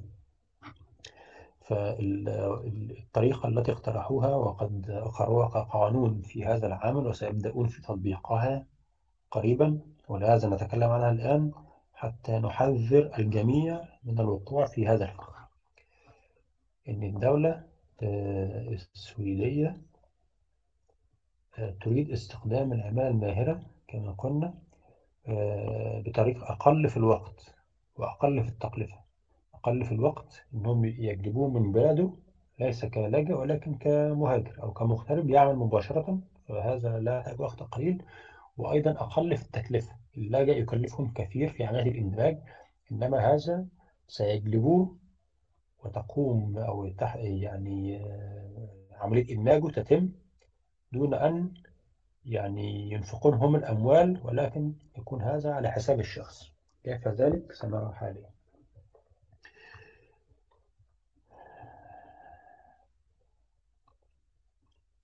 هم آه يعني آه قد أقروا قانون بالسماح بإعطاء فيزا فيزا الدخول للبلاد.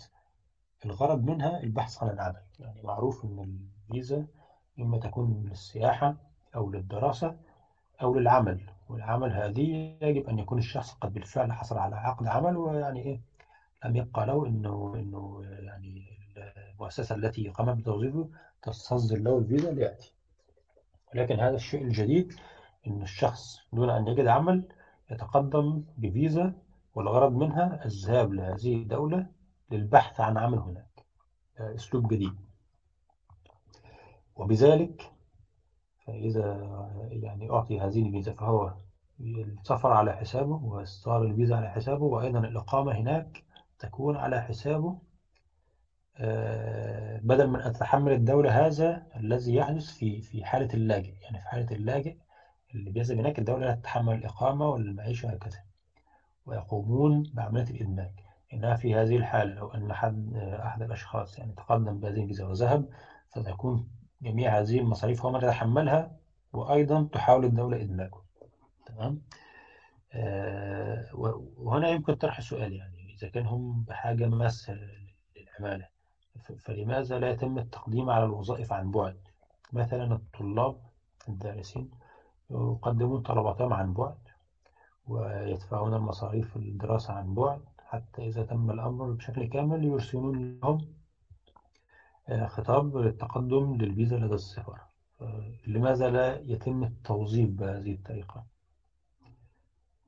فعلا لأن هو ده بيحصل في حتت مختلفة يعني بتعمل انترفيو وبعدين بت بعتوا لك الفيزا وخلاص تأكدوا العقد العام روح بالظبط الإجابة السؤال هم يعني يريدون أن يجلبوه الأول أولا يجلبوا الشخص حتى إذا ذهب إلى هناك.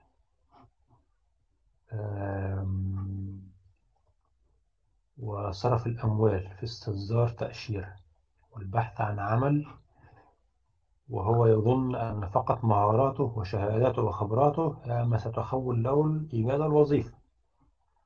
ولكن لا أحد يصرح له أنه يجب أن يندمج أولا وبالتالي سيصرف الكثير والكثير من الأموال بهذه الطريقة.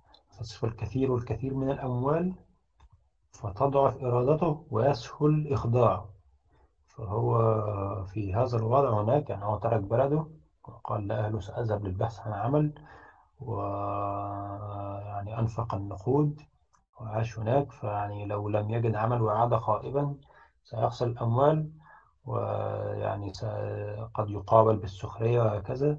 فهو يكون هناك في حالة شديدة يعني يكون يعني عليه ضغط نفسي أو يعني أسلوب ابتزاز أو إضعاف إرادة قد مورس عليه. وبذلك سيقدم تنازلات أولا أن يقبل ب... يمكن أن يقبل بأي وظيفة أو لو وجد الوظيفة التي يتمناها ولكن براتب أقل بكثير. مما يستحقه فهو قد يقبل. ظنا أنها بس فقط هذه مرحلة وسيجد أفضل منها بعد ذلك.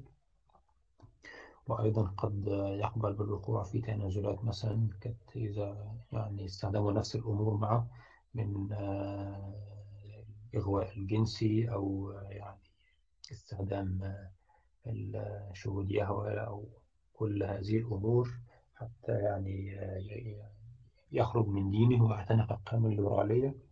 فأيضا يعني في الوضع اللي هو فيه الذي يكون هو فيه مع ضعف الإرادة قد ينجرف لشيء من هذا. آه،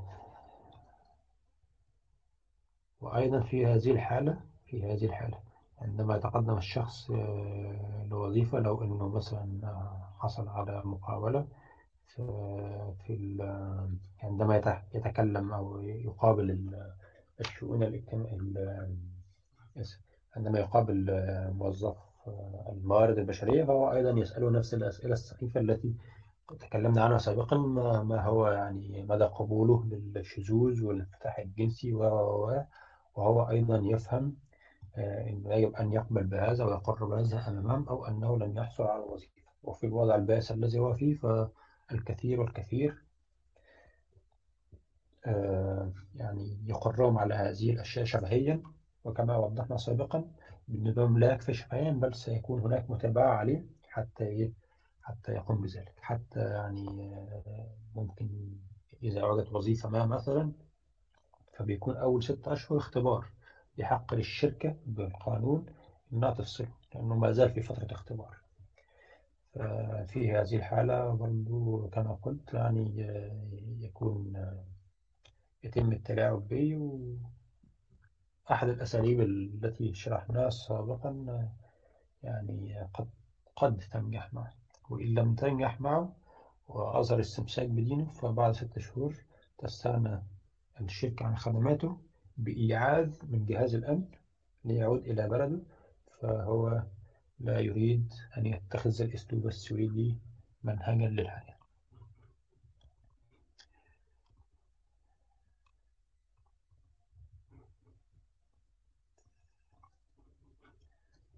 أعتقد أن لو نقدر نفتح مرجع رقم 8 إلى بدري المشاهد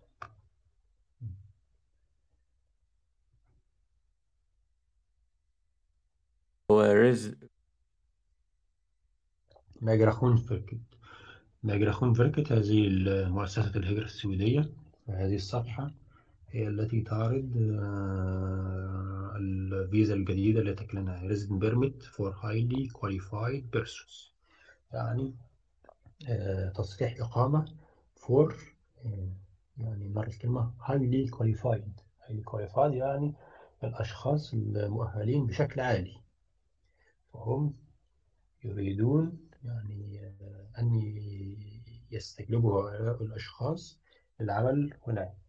وهؤلاء الأشخاص يعني هو بقولهم مؤهل بشكل عالي فيجب أن تسخر له وسائل الراحة.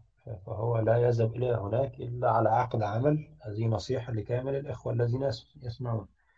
إذا أنت من هؤلاء الأشخاص highly qualified فلا تذهب إلا بعد أن تحصل على عقد أو, مبدئيا لا تذهب بشكل, بشكل, بشكل كامل لا تذهب لهذه البلاد. ولكن لو آه، تريد أن تذهب مثلا لدولة إسلامية مثلا مثل دول الخليج فأولا تحصل على عقد عمل ثم تسافر. ولكن لا تسافر وتبحث هناك لأنه سيتم التلاعب بك كثيرا وستخسر الكثير من الأموال.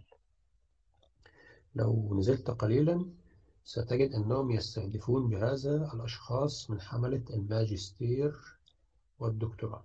سيد أن المطلوب هو فقط يكون آه، يعني آه، له دراسة حاصل على الماجستير أو حاصل على الدكتوراه. ثم يثبت أن لديه من الأموال ما يكفي لتغطية نفقاته خلال هذه الفترة لأنهم وهم يريدون ذلك يريدون أنه يصرف الأموال هناك حتى تضعف إرادته فينصع له.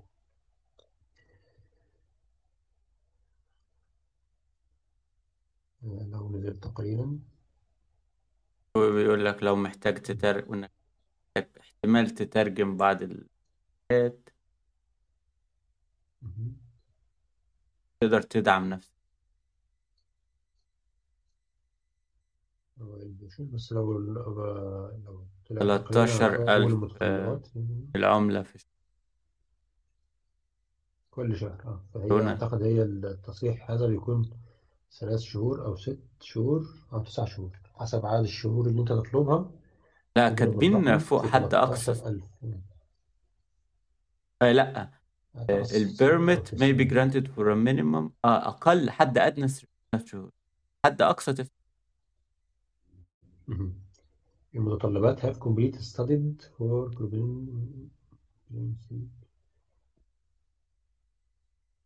معاك.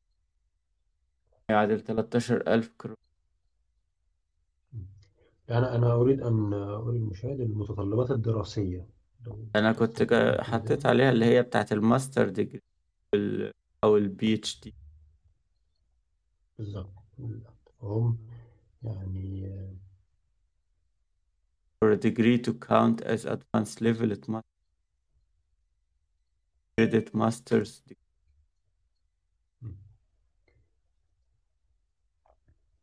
master degree اللي هو درجة الماجستير وال PhD درجة الدكتوراه فهم يستهدفون أفضل العقول في بلادنا وحتى لا يتم معاملتهم بما يستحقون يعني هم يريدون المهارات ولكنهم أيضا يستعبدوه. يعني أولا تترك دينك هذا يعني آه، قول منتهين منه. يعني لا تسامح في هذا. وتفعل هذا يعني لن يخبرك أحد ولن يحذرك. تذهب هناك وسيتم ذلك به عن طريق التلاعب بك. هذا أول شيء. ثاني شيء إنك لو ذهبت ودخلت للسويد كأول دولة آه، تسمح لك بالدخول في الاتحاد الأوروبي والعمل هناك فسيكون قرارك بيديه كما كنا شيء مثل نظام الكفيل فلو بعد ذلك لو تم إساءة معاملتك أو يعني تعرضت لشيء مع المشاكل مع السوسيال أو هكذا وأردت الذهاب لدولة أوروبية أخرى فلن تستطيع إلا لن تستطيع أن تجد عمل في أي دولة أخرى إلا بموافقة مكان عملك الحالي في السويد وهؤلاء لن يعطوك أبدا تحت أي ظرف من الظروف حريتك بل سيستعبدوك حتى آخر يوم في حياتك. لا وفي كمان طالبين في ال... يأخذون طالبين إنك يكون معاك تأمين صحي. هذه النقطة. آه التأمين الصحي برضه تشتري من هناك أو بتشتريه مسؤول. أي اللي ملزم. هم ما بيقدمولكش أي حاجة. أنت آه تجيب بالضبط. يعني حتى لو حدث لك مشكلة صحية آه، يعني يكون على حسابك أو لو يعني حصل وفاة ولا حاجة آه، شركة التأمين هي من ت- تعيدك تعيدك جثمان. يعني أنت تذهب وهم يعني يبقوك تحت المراقبة يرون تصرفاتك وتمسكك بدينك ويقررون آه، كيف يدمجوك. وكل هذا على حسابك فهذا بالنسبة لهم أفضل من اللاجئ فاللاجئ هم من يدفعون. إنما هنا أنت ستدفع آه، لكي يخرجوك من دينك ولو قبلوك بعد ذلك آه، يعطوك وظيفة وتصبح كالعبد عندهم. لا تستطيع الخروج لدولة أوروبية أخرى إلا بقى إنك تعود لبلدك من حيث أتيت خارج الاتحاد الأوروبي. فنحذر أشد الحذر من أن آه، يعني ينجرف أحد وراء هذا النظام. هذا نظام خبيث وهؤلاء قوم لا تثق بهم لا تضع نفسك وأموالك وأموالك وأولادك تحت رحمة هؤلاء القوم. لن يرقبوا فيك إلا ولا ذمة. لن يأخذهم بك شفقة ولا رحمة. آه، وهذا هو المتوقع. أعتقد شفت أننا بعيني. أنهينا شفت هذه بعيني. الشركة. آه. كان في لا جزء انت لننهي هذه النقطة. تفضل. آه أنت كنت تريد أن تتكلم فأعتذر لك. آه تستطيع. قل ما تشاء. لا بس بقول إن الواحد شاف بعينيه بس هو مش كل الناس ال- آه، اللي عايزة تيجي عارفة كده وكمان بعض الناس اللي عايشة مش مدركين دي. يعني حتى بعض الناس عايشة في أوروبا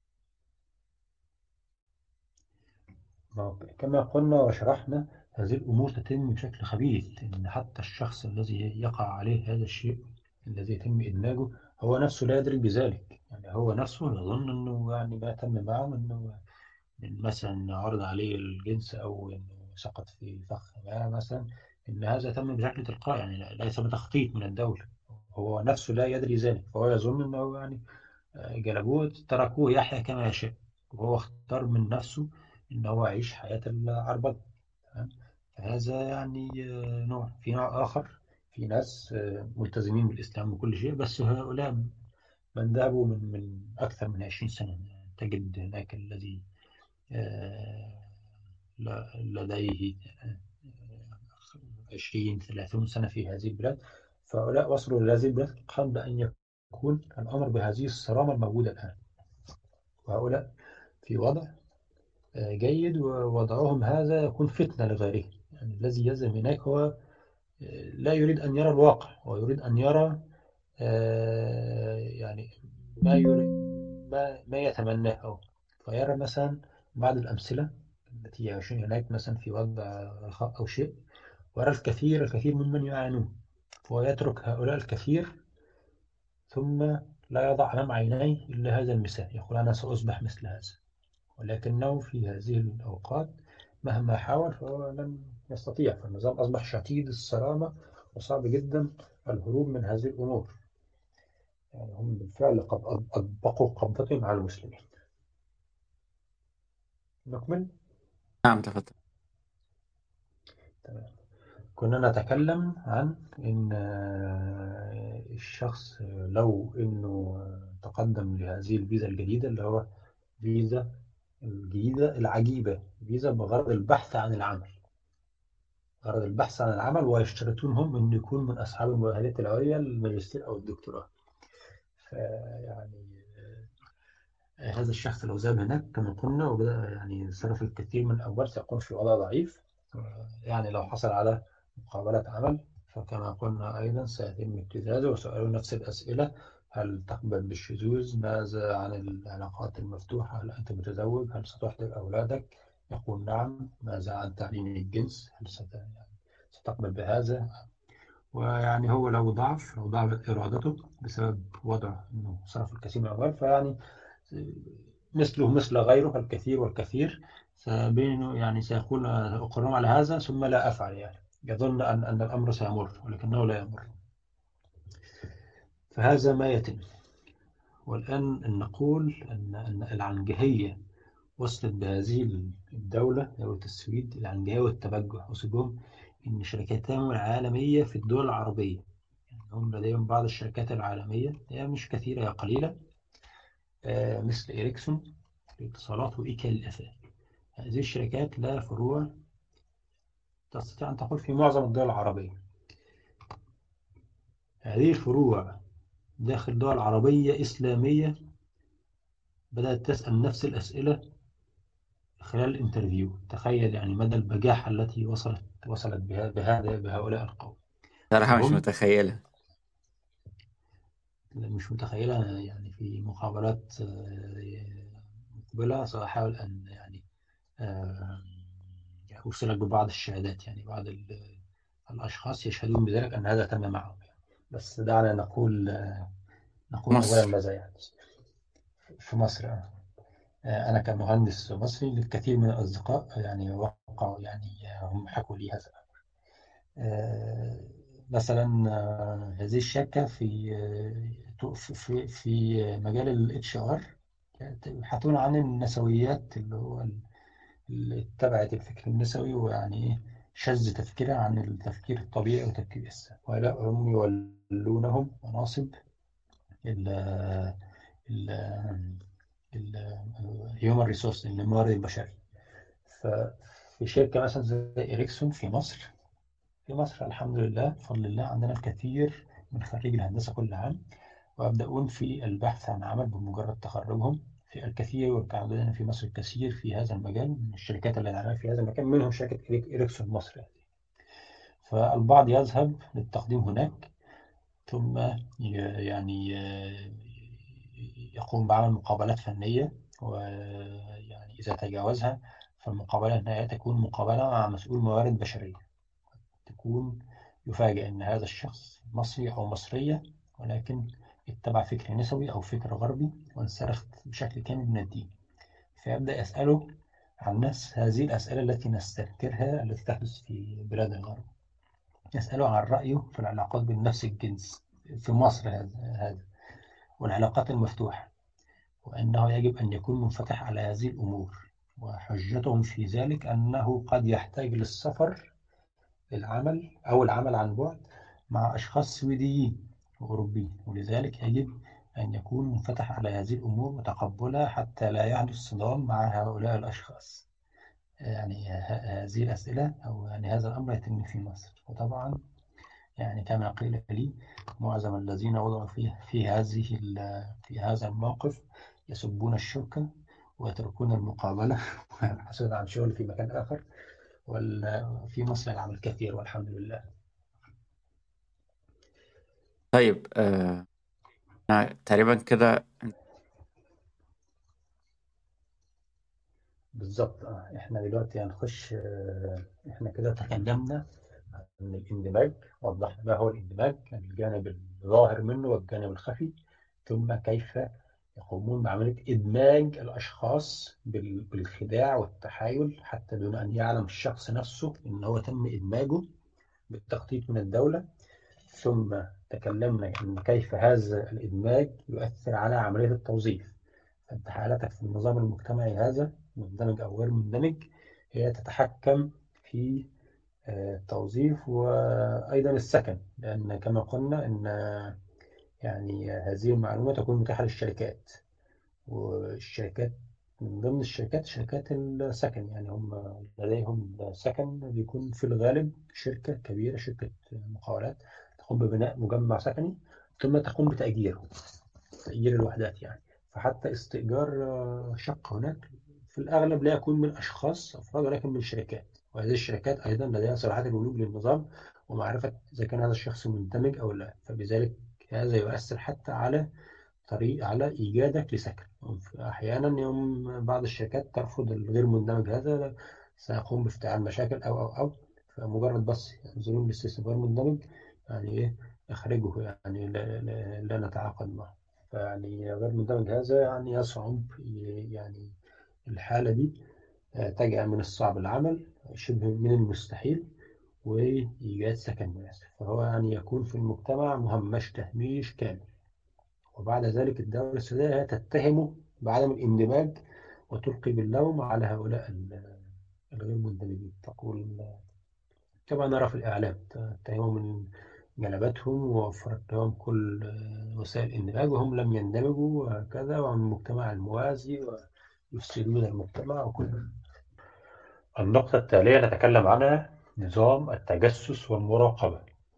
في دولة السويد السياسة العامة أن جميع الغرباء بلا استثناء يكونون تحت المراقبة وهذه المراقبة الجمعية تتطلب الكثير من الموارد البشرية الكثير من الأفراد. ولذلك فكما وضحنا فالمهام اليومية السهلة الخاصة بالمراقبة وجمع المعلومات التي لا تحتاج احترافية يقوم بها أفراد الشعب من السويديين الأصليين. وهذه المراقبة إما أن تكون من صميم عمل الشخص السويدي الأصلي مثلا إذا كان يعمل في شركة أو في مصنع ما وفي تحت إشرافه لاجئ أو مغترب أو شخص يعني غير سويدي أصلي فيكون هو مسؤول عن إبلاغ السلطات بالمعلومات التي التي يحتاجونها أو التي يعني يكون لديه تعليمات بإبلاغهم بها. أو إن تكون هذه المراقبة ليست من صميم عمله وتكون كتكليف يأتيه كما قلنا من خلال أو عن طريق حسابه على يعني موقع أو على منصة الضرائب ومقابل ما يقوم به من خدمات ينال تخفيض ضريبي بنهاية العام. مثل أن يراقب جار له أو طالب سويدي يكتب تقارير عن زملائه الزملاء الغير سويديين أو يرفع عنهم معلومات فهذا الأسلوب هو عقيدة عامة للدولة السويدية. أن يبقى كل مغترب خاضع للمراقبة طوال الوقت.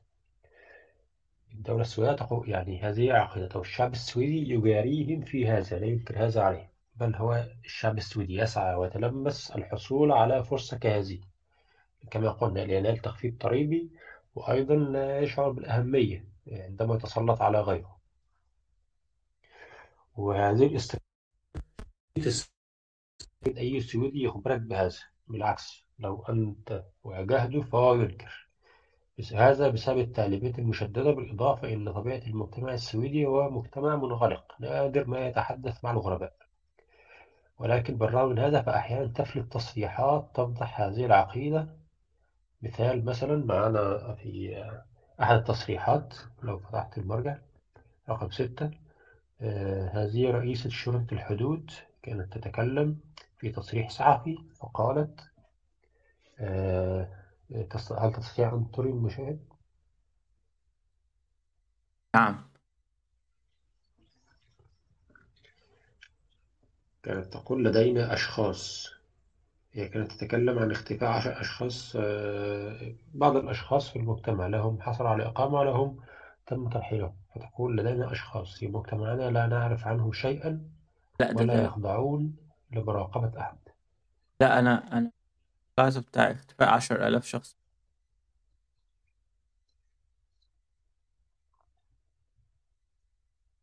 ما هو ده؟ بس هو؟ أنا مش شايف أنا مش شايف الشاشة.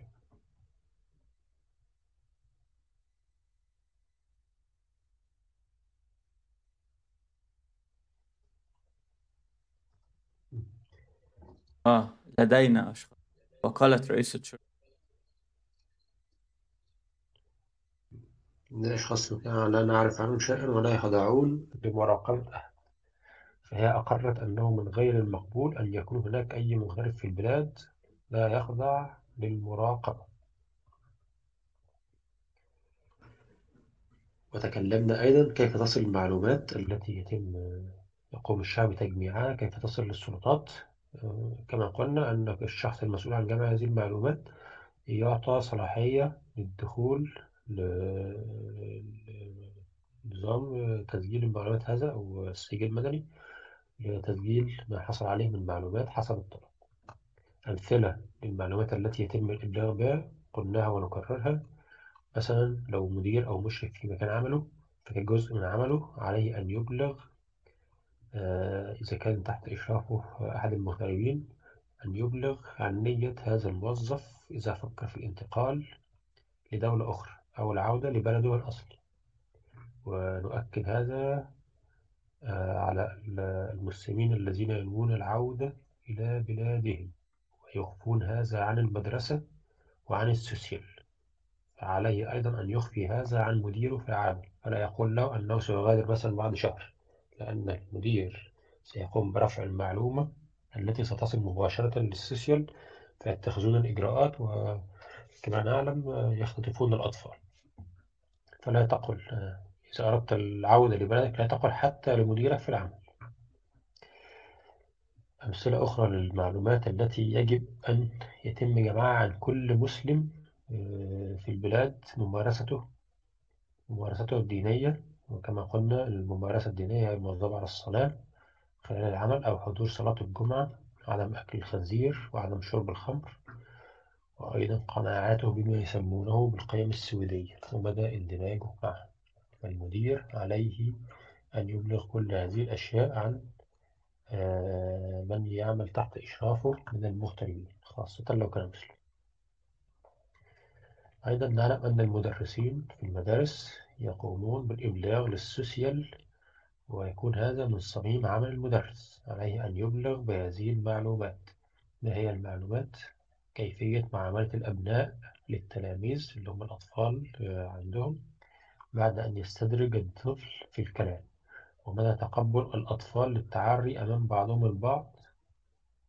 ذكور وإناث في أحواض السباحة. لو أن الطفل يعني يتحرج من هذا فهذا شيء بالنسبة لهم يجب الإبلاغ عنه.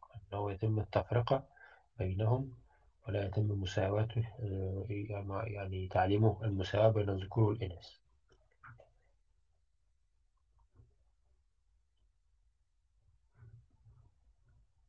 صحيح سمعت شكاوى عن كده في ألمانيا برضه.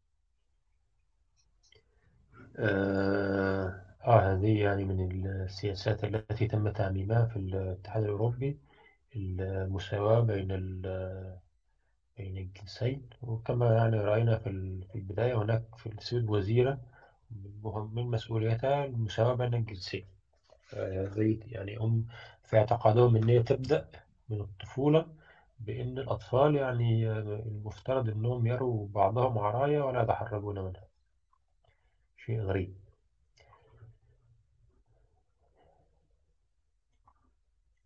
كان في بوست خروج من السويد يعني. نشر قناة شؤون هي عن حد واحدة عملت السلام عليكم أنا مسافر بعطلة على بلد عربي وحكيت للسوشيال وهم رفضوا الناس بتاخد ولادها وبتفيهم شوف في طريقة أسافر وما يصير عليا مشكلة أرجع أو أخليهم يوافقوا على سفر. فهو هي حكي. هي بلغت بنفسها يعني لم تنتظر إن حد يبلغ عنها هي بلغت عن نفسها بنفسها للسيسي وبالطبع السيسي هياخد معها الإجراءات. آه بس هي كمان مش عايزة تسيب السويد هي لسه يعني مؤاخذة يعني لسه مخها مغسول وضايعة درجة أو متحطمة ومنبطحة لدرجة إن هي بس بتأذنهم عشان تسافر يعني هي بتاخد فلوس منهم. المفروض بتبلغ لو هتسافر فسح يعني هي فعلا عايزة تسافر تتفسح في بلد عربية أسبوع ولا حاجة. حتى دي ما سمحوا لهاش عشان ولادها عشان اتعرف إنه بلد عربي ممكن حتى دي شاكين فيها ومش عايزينها تسافر. لا هو لو كان رد فعلهم إن هم فقط لم يسمحوا لها فهي تحمد ربنا سبحانه وتعالى على هذا لأن هو في الطبيعي إن هم مجرد ما شكوا بيختطفوا الأولاد. حتى هي لا يعني لا تسافر دون علمهم بلا عودة. يعني فهم بمجرد الشك بي بي بي بيبدأوا التحرك على طول. أعتقد إن هي قد تكون يعني في خطر ربنا يحفظها ربنا يحفظ أولادها. وعامة يعني قولك إن هي لسه مغسول دماغها في ناس يعني لا يعني لا تؤمن حتى ترى العذاب. يعني هو مهما تريه ومهما توريه من مواقف أو من حالات حتى ممكن تكون في محيطه هو لن يصدق إلا إن الأمر يقع عليه هو شخصيا وياخده أبدا بس هنا لازم ده يحصل عشان يصدق.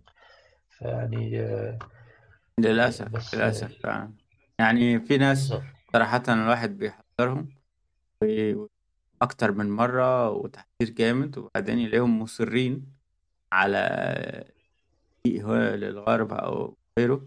يقول خلاص هو فهم كده. هم مش هيحلها معاهم يقعوا في الموت يقعوا في الحب بالظبط هذا يسمى في علم النفس ال comfort zone اللي هي منطقة الراحة.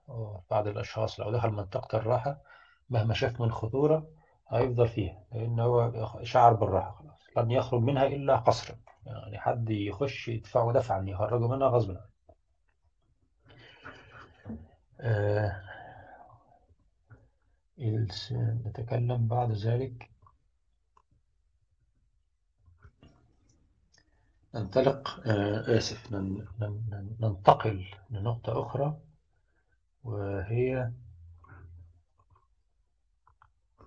آه أساليب طرق الخداع والبروباغندا الدولية.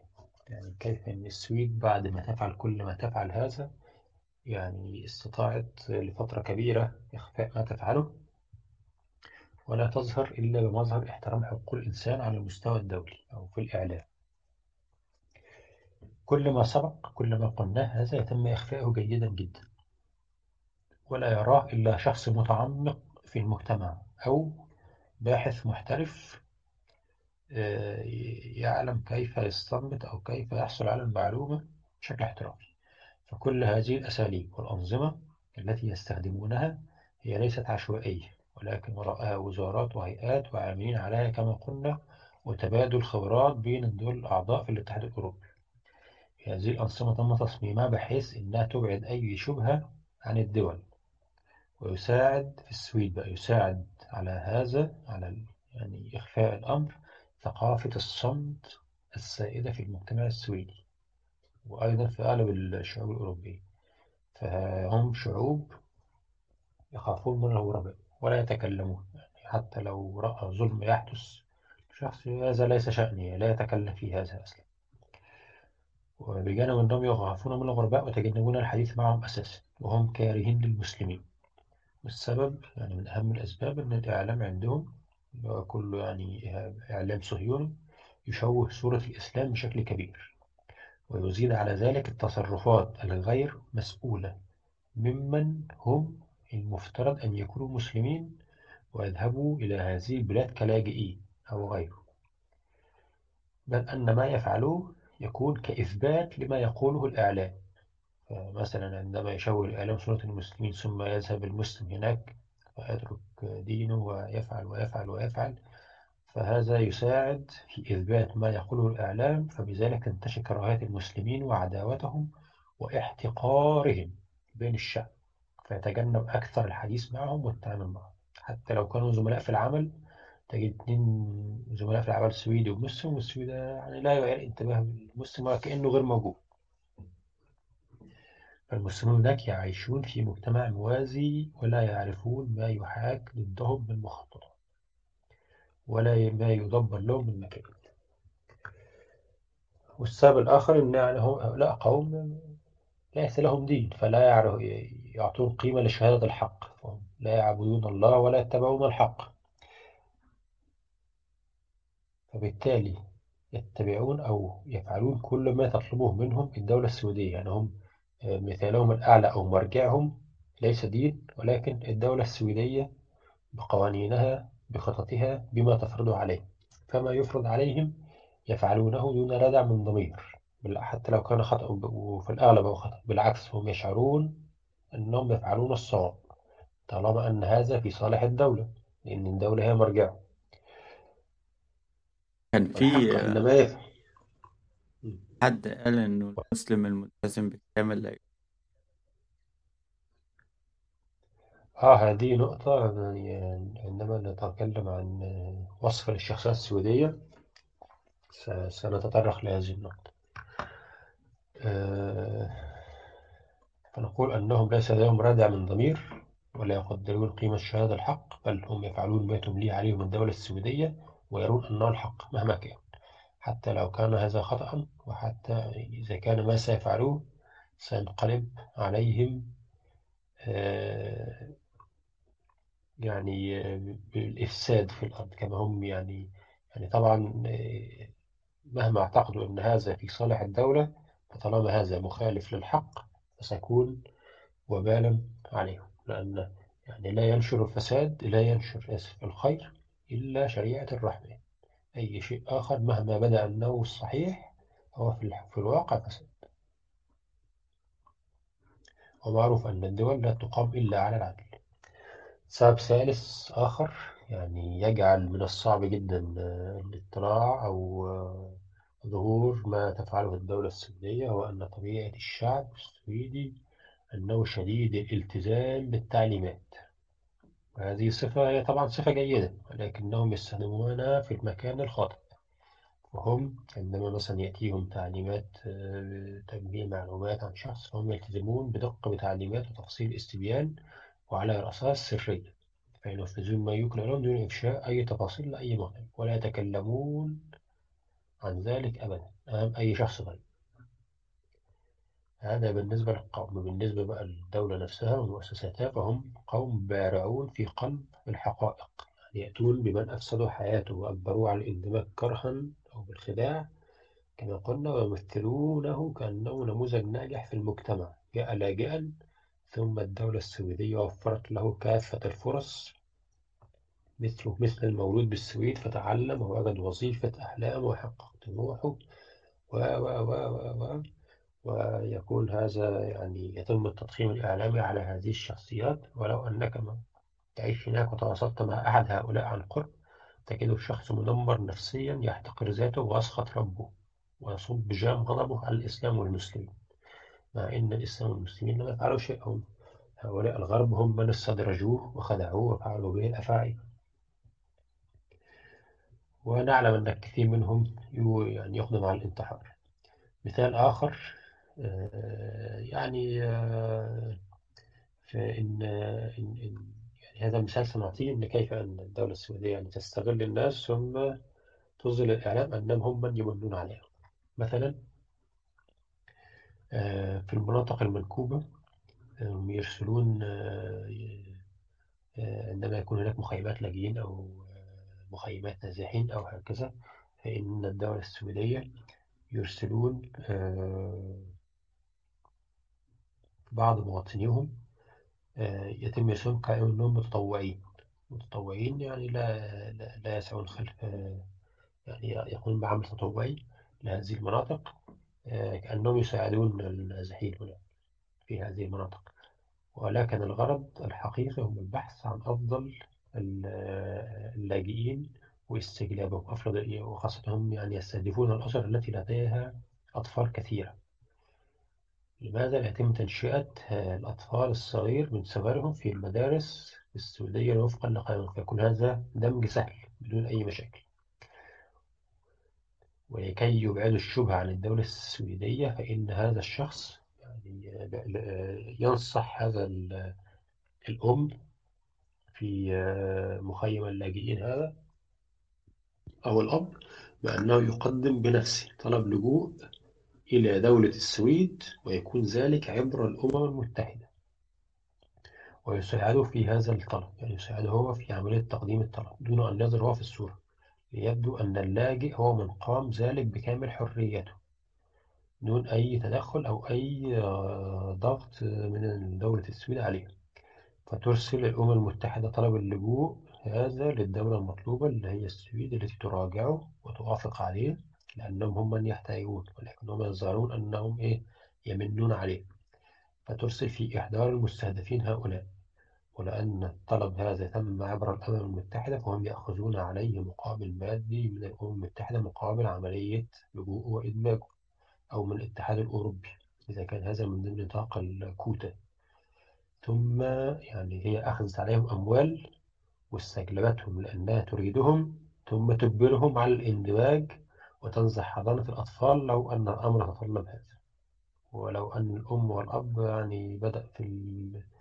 في افتعال المشاكل يتخلصون منه أو يتركوه حتى يجل فتكون فتكت بالأشخاص على أرض الواقع ولكنها أمام الأمم المتحدة وأمام العالم هي دولة رحيمة تقبل طلبات لجوء المستضعفين الذين يلجؤون إليها طلبا للحماية. هذا أمثلة مما يفعلون. يفعلون الشر ثم يتظاهرون بالخير والرحمة. إحنا تكلمنا كل ما تكلمنا حتى الآن تكلمنا عن وصف المجتمع من منظور المسلمين. مسلم من خارج أو يعني مسلم آه، كيف أن المسلم يرى آه، ما تفعله الدولة السعودية من وجهة نظره. لنكمل الدراسة سننظر الآن لنفس الأمر ولكن من المنظور السعودي لنرى كيف يرى الأمر. نتخيل الرؤية من الجانب السعودي هو الشعب السويدي شعب محاط بالمعلومات المغلوطة والأكاذيب عن الإسلام من جميع وسائل الإعلام. هو نشأ على الباطل نتاج الثورة الجنسية لا يعرف صواب من خطأ.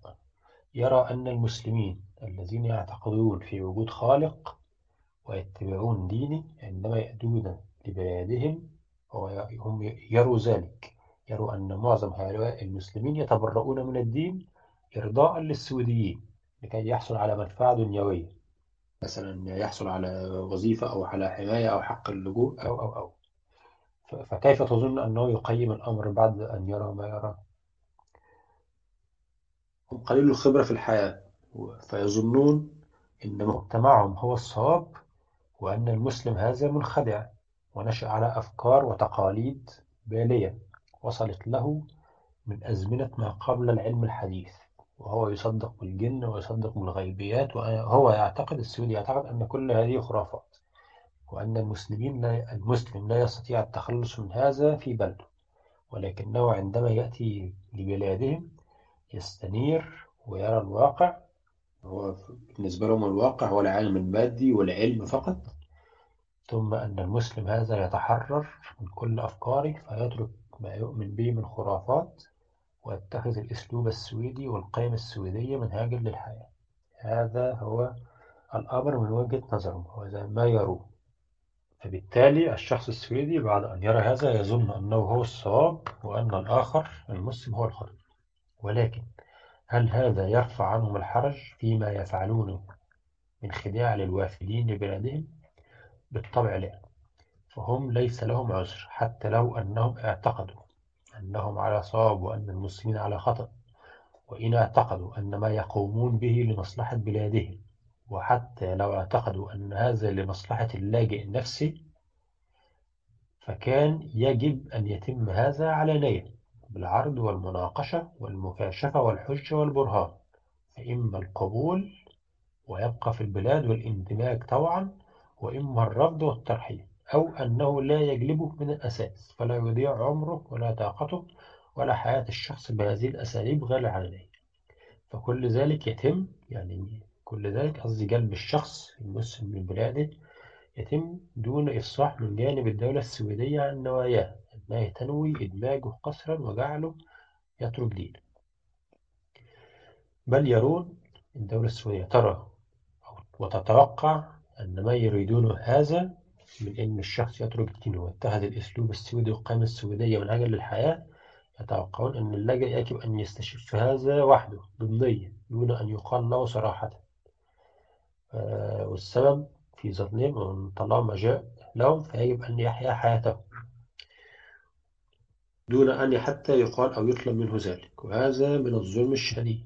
مثلا الله سبحانه وتعالى ربنا خالق السماوات والأرض والإنسان يرسل الأنبياء للإبلاغ تبليغ الرسالة قبل المحاسبة. أما هؤلاء السويين فهم يعاقبون اللاجئ على عدم ترك دينه والتمسك بالقيمة السويدية حتى دون إبلاغ الشخص أنه يجب أن يفعل ذلك. لا قبل أن يأتي لبلادهم حتى لا ينفر من القدوم ولا حتى بعد أن يصل حتى لا ينفضح الأمر وتسوء سمعة الدولة. وهم يفضلون أو هم يولون سمعة سمعة الدولة السويدية عن حياة هؤلاء الأشخاص يعني دولة فاشية. وهم أيضا يروا أن المسلم يجب عليه أن يقدم تنازلات في دينه إثباتا لولائه للدولة السويدية. تمام؟ يعني هو آه، آه، يجب أن يلتزم بقيامهم ليحيا معهم حتى يكون مندمج ويناسب آه، أو يعني يرقى للحياة وسطهم أولا ثانيا حتى يكون هذا إثباتا لولائه للدولة السويدية. ولو امتنع عن تقديم تنازلات فكما علمنا تقفل جميع الأبواب في وجهه. وفي فتة لسان آه، من أحد آه، السياسيين السويديين وهو زعيم الحزب الحاكم الحالي في السويد. قد قال هكذا صراحة أن المسلم الملتزم التزام كامل ولا يريد تقديم أي تنازل في دينه إرضاء للدولة السويدية وإثباتا لولائه للمجتمع السويدي هو قال إيه لا يمكن أن يكون سويدي. هذا كما نرى الشيء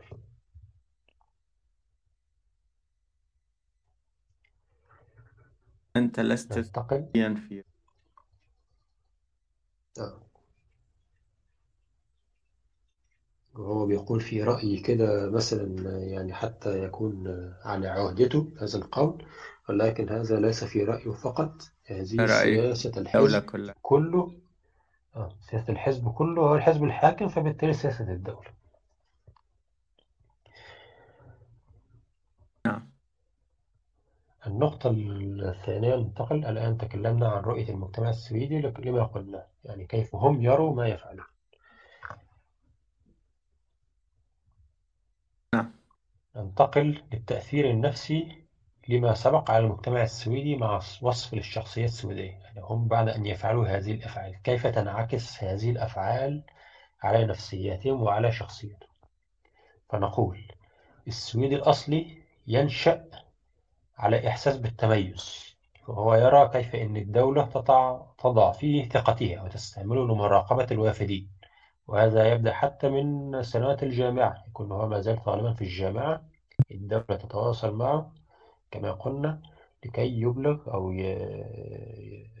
يعني يأتي بالمعلومات آه، ويبلغها للسلطات عن زملائه من غير السعودية أو كيف تستعمل الدولة لتراقب الوافدين؟ وكيف أن الدولة تثق فيما يقدمه هو من معلومات عن الآخرين حتى لو كانت كذبا وتأخذ الدولة تأخذ بها وتم التصرف على أساسها.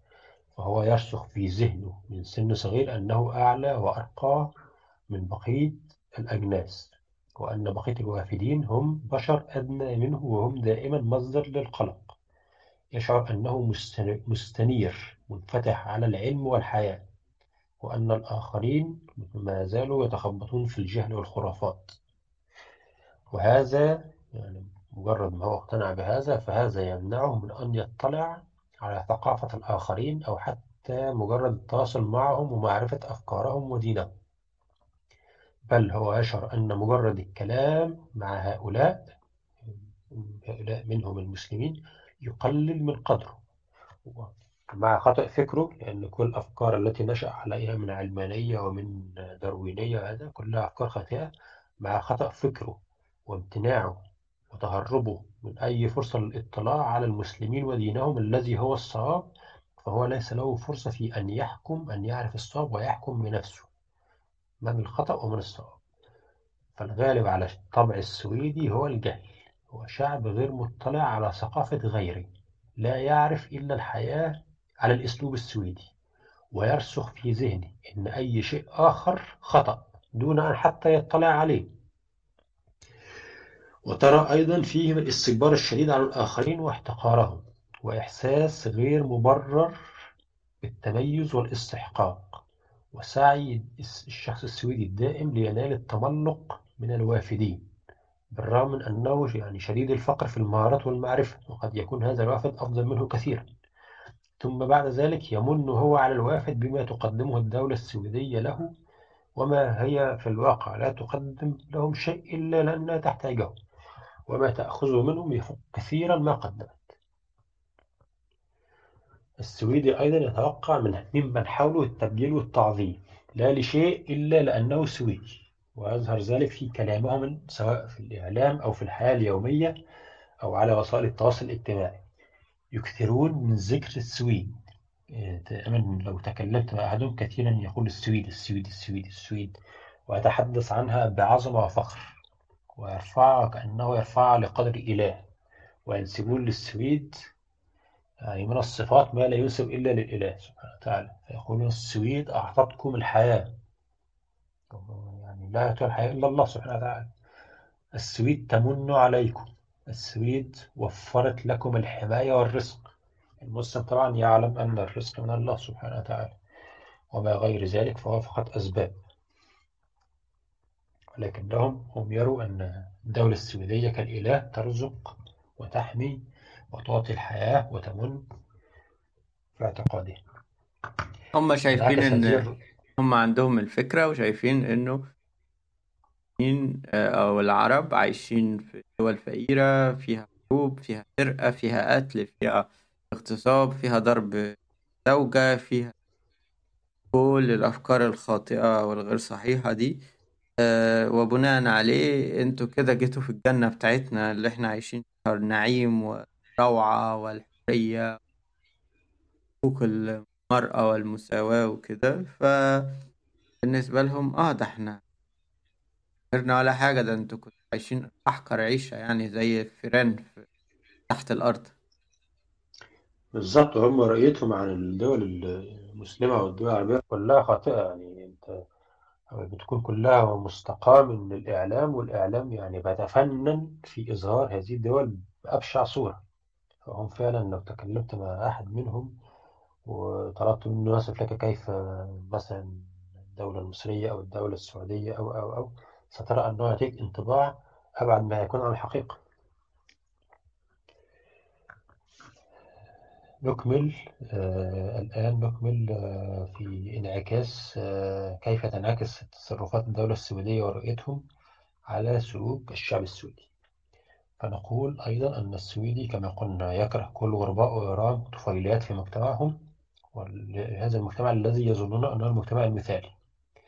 حتى لو أن هذا المغترب ذو درجة علمية وثقافية عالية فالكراهية يعني هم كما قلنا يكرهون الغرباء ولكن الكراهية في حد ذاتها ليست مشكلة في الشخص يعني بشكل عام لا يتوقع أن يحبه الناس ولكن من حقه أن يتوقع الإحترام والتقدير لما يقدمه للمجتمع. ولكن المشكلة تظهر في أن الشعب السويدي لا يتوقف عند الكراهية فحسب بل يذهب أبعد من ذلك فتترجم هذه الكراهية إلى سوء معاملة متعمدة واتهامات ملفقة دون أي حجج فقط للتسلط على هذا الشخص. وإهانات وسخرية في غيبة في غيبته يعني هو مش موجود يسخرون منه. وتنمر خبيث أمامه يعني أحيانا يكون الشخص موجود ولكن إن كان لا يفهم اللغة السويدية فهم يسخرون منه بمصطلحات سورية لا يفهمها. مثلا هم عندما يريدون أن يتكلم عن شخص مسلم موجود أمامهم فيعطونه لفظ حسن. فلفظ حسن عندهم يعني إيه؟ اسم لأي شخص مسلم. ويتكلمون عنه بهذا الاسم حتى هو لا يفهم أنهم يتكلمون عنه.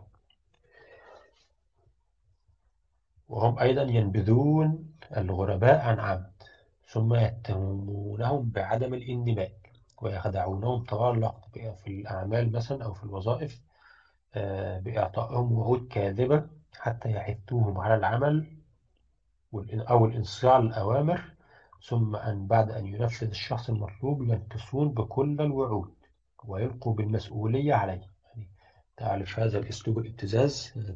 تطلب من شخص يفعل شيء وتوعده بشيء وأنت لا تنوي أن تعطيه ما وعدت به.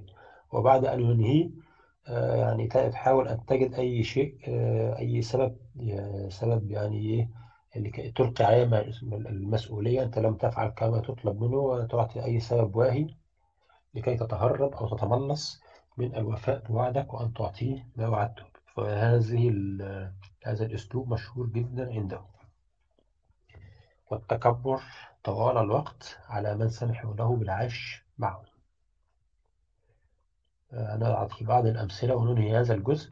من الأمثلة مثلا أساتذة الجامعة. كما قلنا هم عندهم عجز شديد في الصف الجامعي أو في المؤهلات الجامعية فكثير جدا يأتون بأساتذة جامعة من خارج الاتحاد الأوروبي وبعضهم مسلمين أو هنود أو يعني غير مسلمين أو حتى لو صينيين أو يعني غير غير أوروبيين بشكل عام.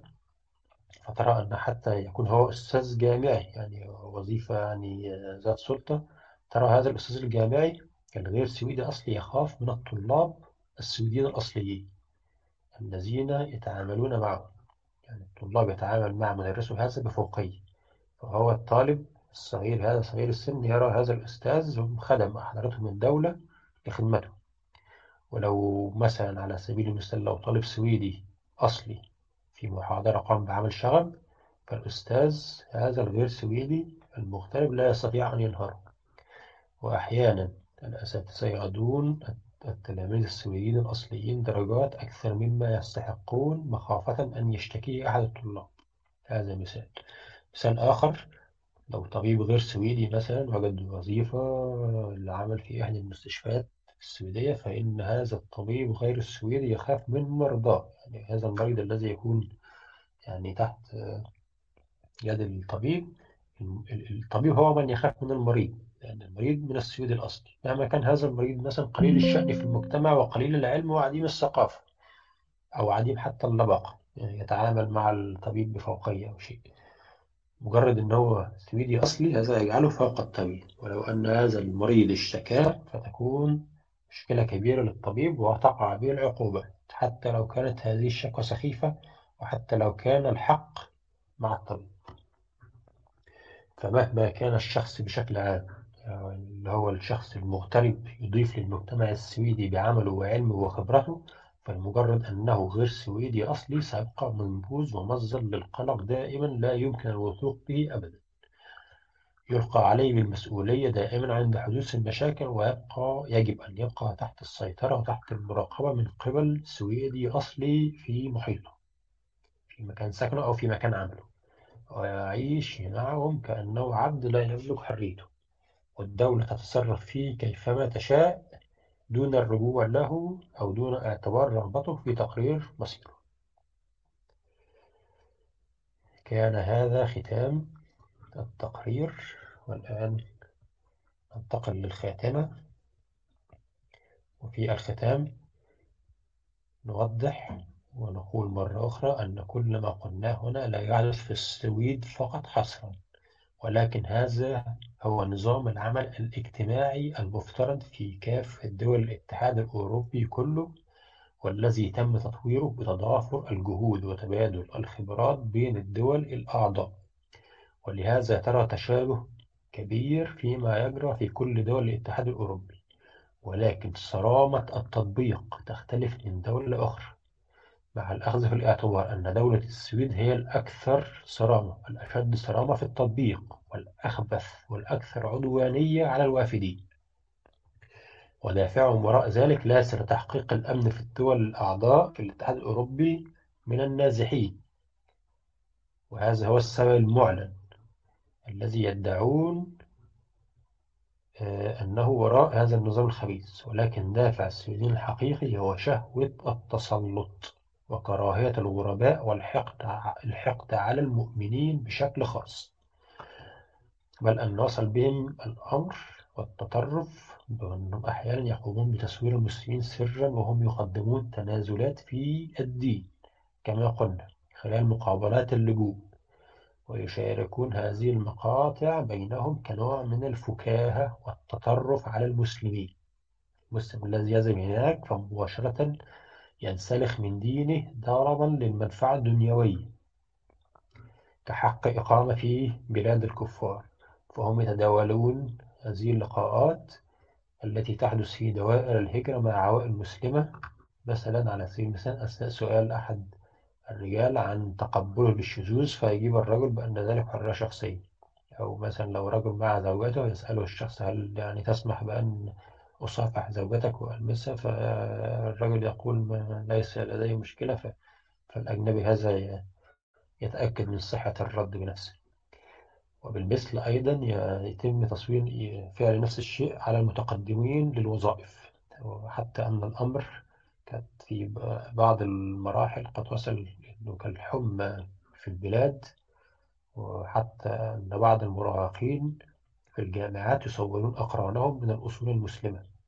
أثناء مثلا ممارستهم علاقة محرمة أو أثناء شرب كحول أو هكذا يتنظرون على ذلك فيما بينهم. ها هو المسلم الذي يدعي أنه لا شرب وهو يشرب كل لحم الخنزير أو أن لديه صديق أو أو أو. وهذه الأفعال دمرت سمعة الإسلام في هذه البلاد الخبيثة. فمن يرى أفعال المسلمين هناك وهو لا يعرف حقيقة الإسلام يعتقد مباشرة أن ما يدعيه المسلم من قيم ومبادئ وشريعة هي فقط ادعاءات تنهار في اللحظة التي يتاح له فرصة الحياة في مجتمعهم الذي هم بنوه على مبادئ العلمانية والليبرالية. وبذلك يقارنون بين مبادئ الإسلام ومبادئ العلمانية وتكون الغلبة للعلمانية. فهم فها هم المسلمون يعتنقون مبادئهم العلمانية والليبرالية هربا من بلاد الإسلام. هذا هو ما يرى. وطبعا من ينجرف وراء في هذا الاتجاه من المسلمين يعني من المسلمين من يقع في هذه الفواحش وينسلخ من دينه فهو بأفعاله هذه يسيء للإسلام إساءة بالغة. ولنفسه ولبلده. وينفر من الدين الإسلامي. ويصد عن سبيل الله. ويكون هو نفسه السبب في فتنة كل من يرى فعلته الدنيئة هذه فتنة شديدة.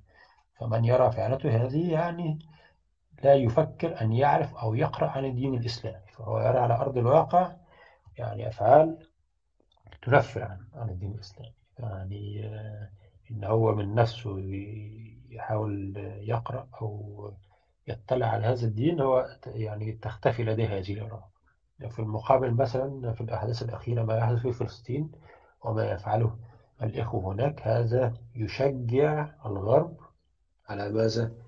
على النظر في الإسلام ما هذا الدين الذي يعني يخرج هؤلاء الرجال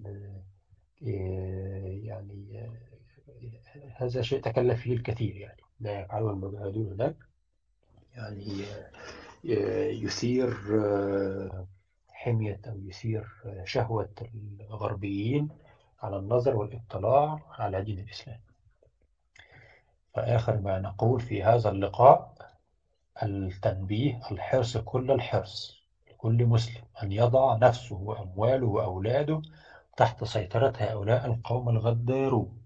فهم إن تمكنوا منك ينتهكون عرضك يغتصبون مالك. يستنزفون حياتك وعملك وإنتاجك لصالحهم ثم لا يلقون لك إلا الفتات حتى إذا اتضح أنه لم يعلق قيمة عندهم قضوا عليك أو طردوك خارج بلادهم فلا تصدق, فلا تصدق وعدهم ولا تأمن غدرهم ولا تنخدع بحلو كلامهم وابتسامتهم فهم يستردونك بأفواههم ولكن كشف الله لنا ما في قلوبهم في آيات القرآن. فلو لم تصدق قول ربك وابتغيت مرضاتهم ومتاع الدنيا عندهم وأصابك من شرهم فلا تلوم ربك ولكن فقط لم نفسك.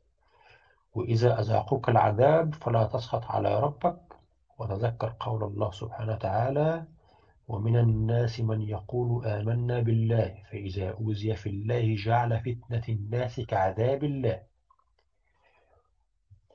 ولو كانوا قد سلبوك دنياك فلا تخسر آخرتك. وتذكر قول ربنا قل يا عبادي الذين أسرفوا على أنفسهم لا تقنطوا من رحمة الله إن الله يغفر الذنوب جميعا إنه هو الغفور الرحيم. وفي الختام ندعو الله سبحانه وتعالى بالصلاة والسلام على نبينا محمد والحمد لله رب العالمين. طب طبعا جزاك الله خيرا على كل المجهود و ده. بس هيبقى يعني أكيد هيبقى اللي هو إيه المعلومات إيه اللي تقدر تقولنا على إزاي تجمع حاجة زي كده؟ يعني عن إزاي تكون المعلومات دي كلها عندك؟ إزاي جمعت قدرت إيه باب اهتمامك بالموضوع وإزاي تجمع حتى لو أكيد في حاجات ما ينفعش تقولها بس لو تقدر تدينا فكرة أو تقول فكرة كويسة. آه، يعني في الجزء دوت هن يعني كل ما نقوله أو ما نؤكد عليه أن كل هذه المعلومات تمت تم جمعها بشكل احترافي وبشكل دقيق. والمعلومة لا تخضع إلا أن تأتي من مصدر من أكثر من مصدر مصدرين مختلفين. فكلها معلومات موثقة. إنما الأساليب الجمع فهي أساليب يعني لن يتم الإفصاح عنها حتى لا تفقد قيمتها. يعني ما يتم الإفصاح عنه من أسلوب لا يمكن استخدامه لاحقا. وما نقوله أن هذا التحقيق الاستقصائي تم بشكل احترافي وأن هذه المعلومات تم التواصل بها ولكن على المستوى الدبلوماسي. مع السلطات السويدية وأن السلطات السويدية أنكرت كل ما وجهت به أنكرت أنه يحدث أساسا.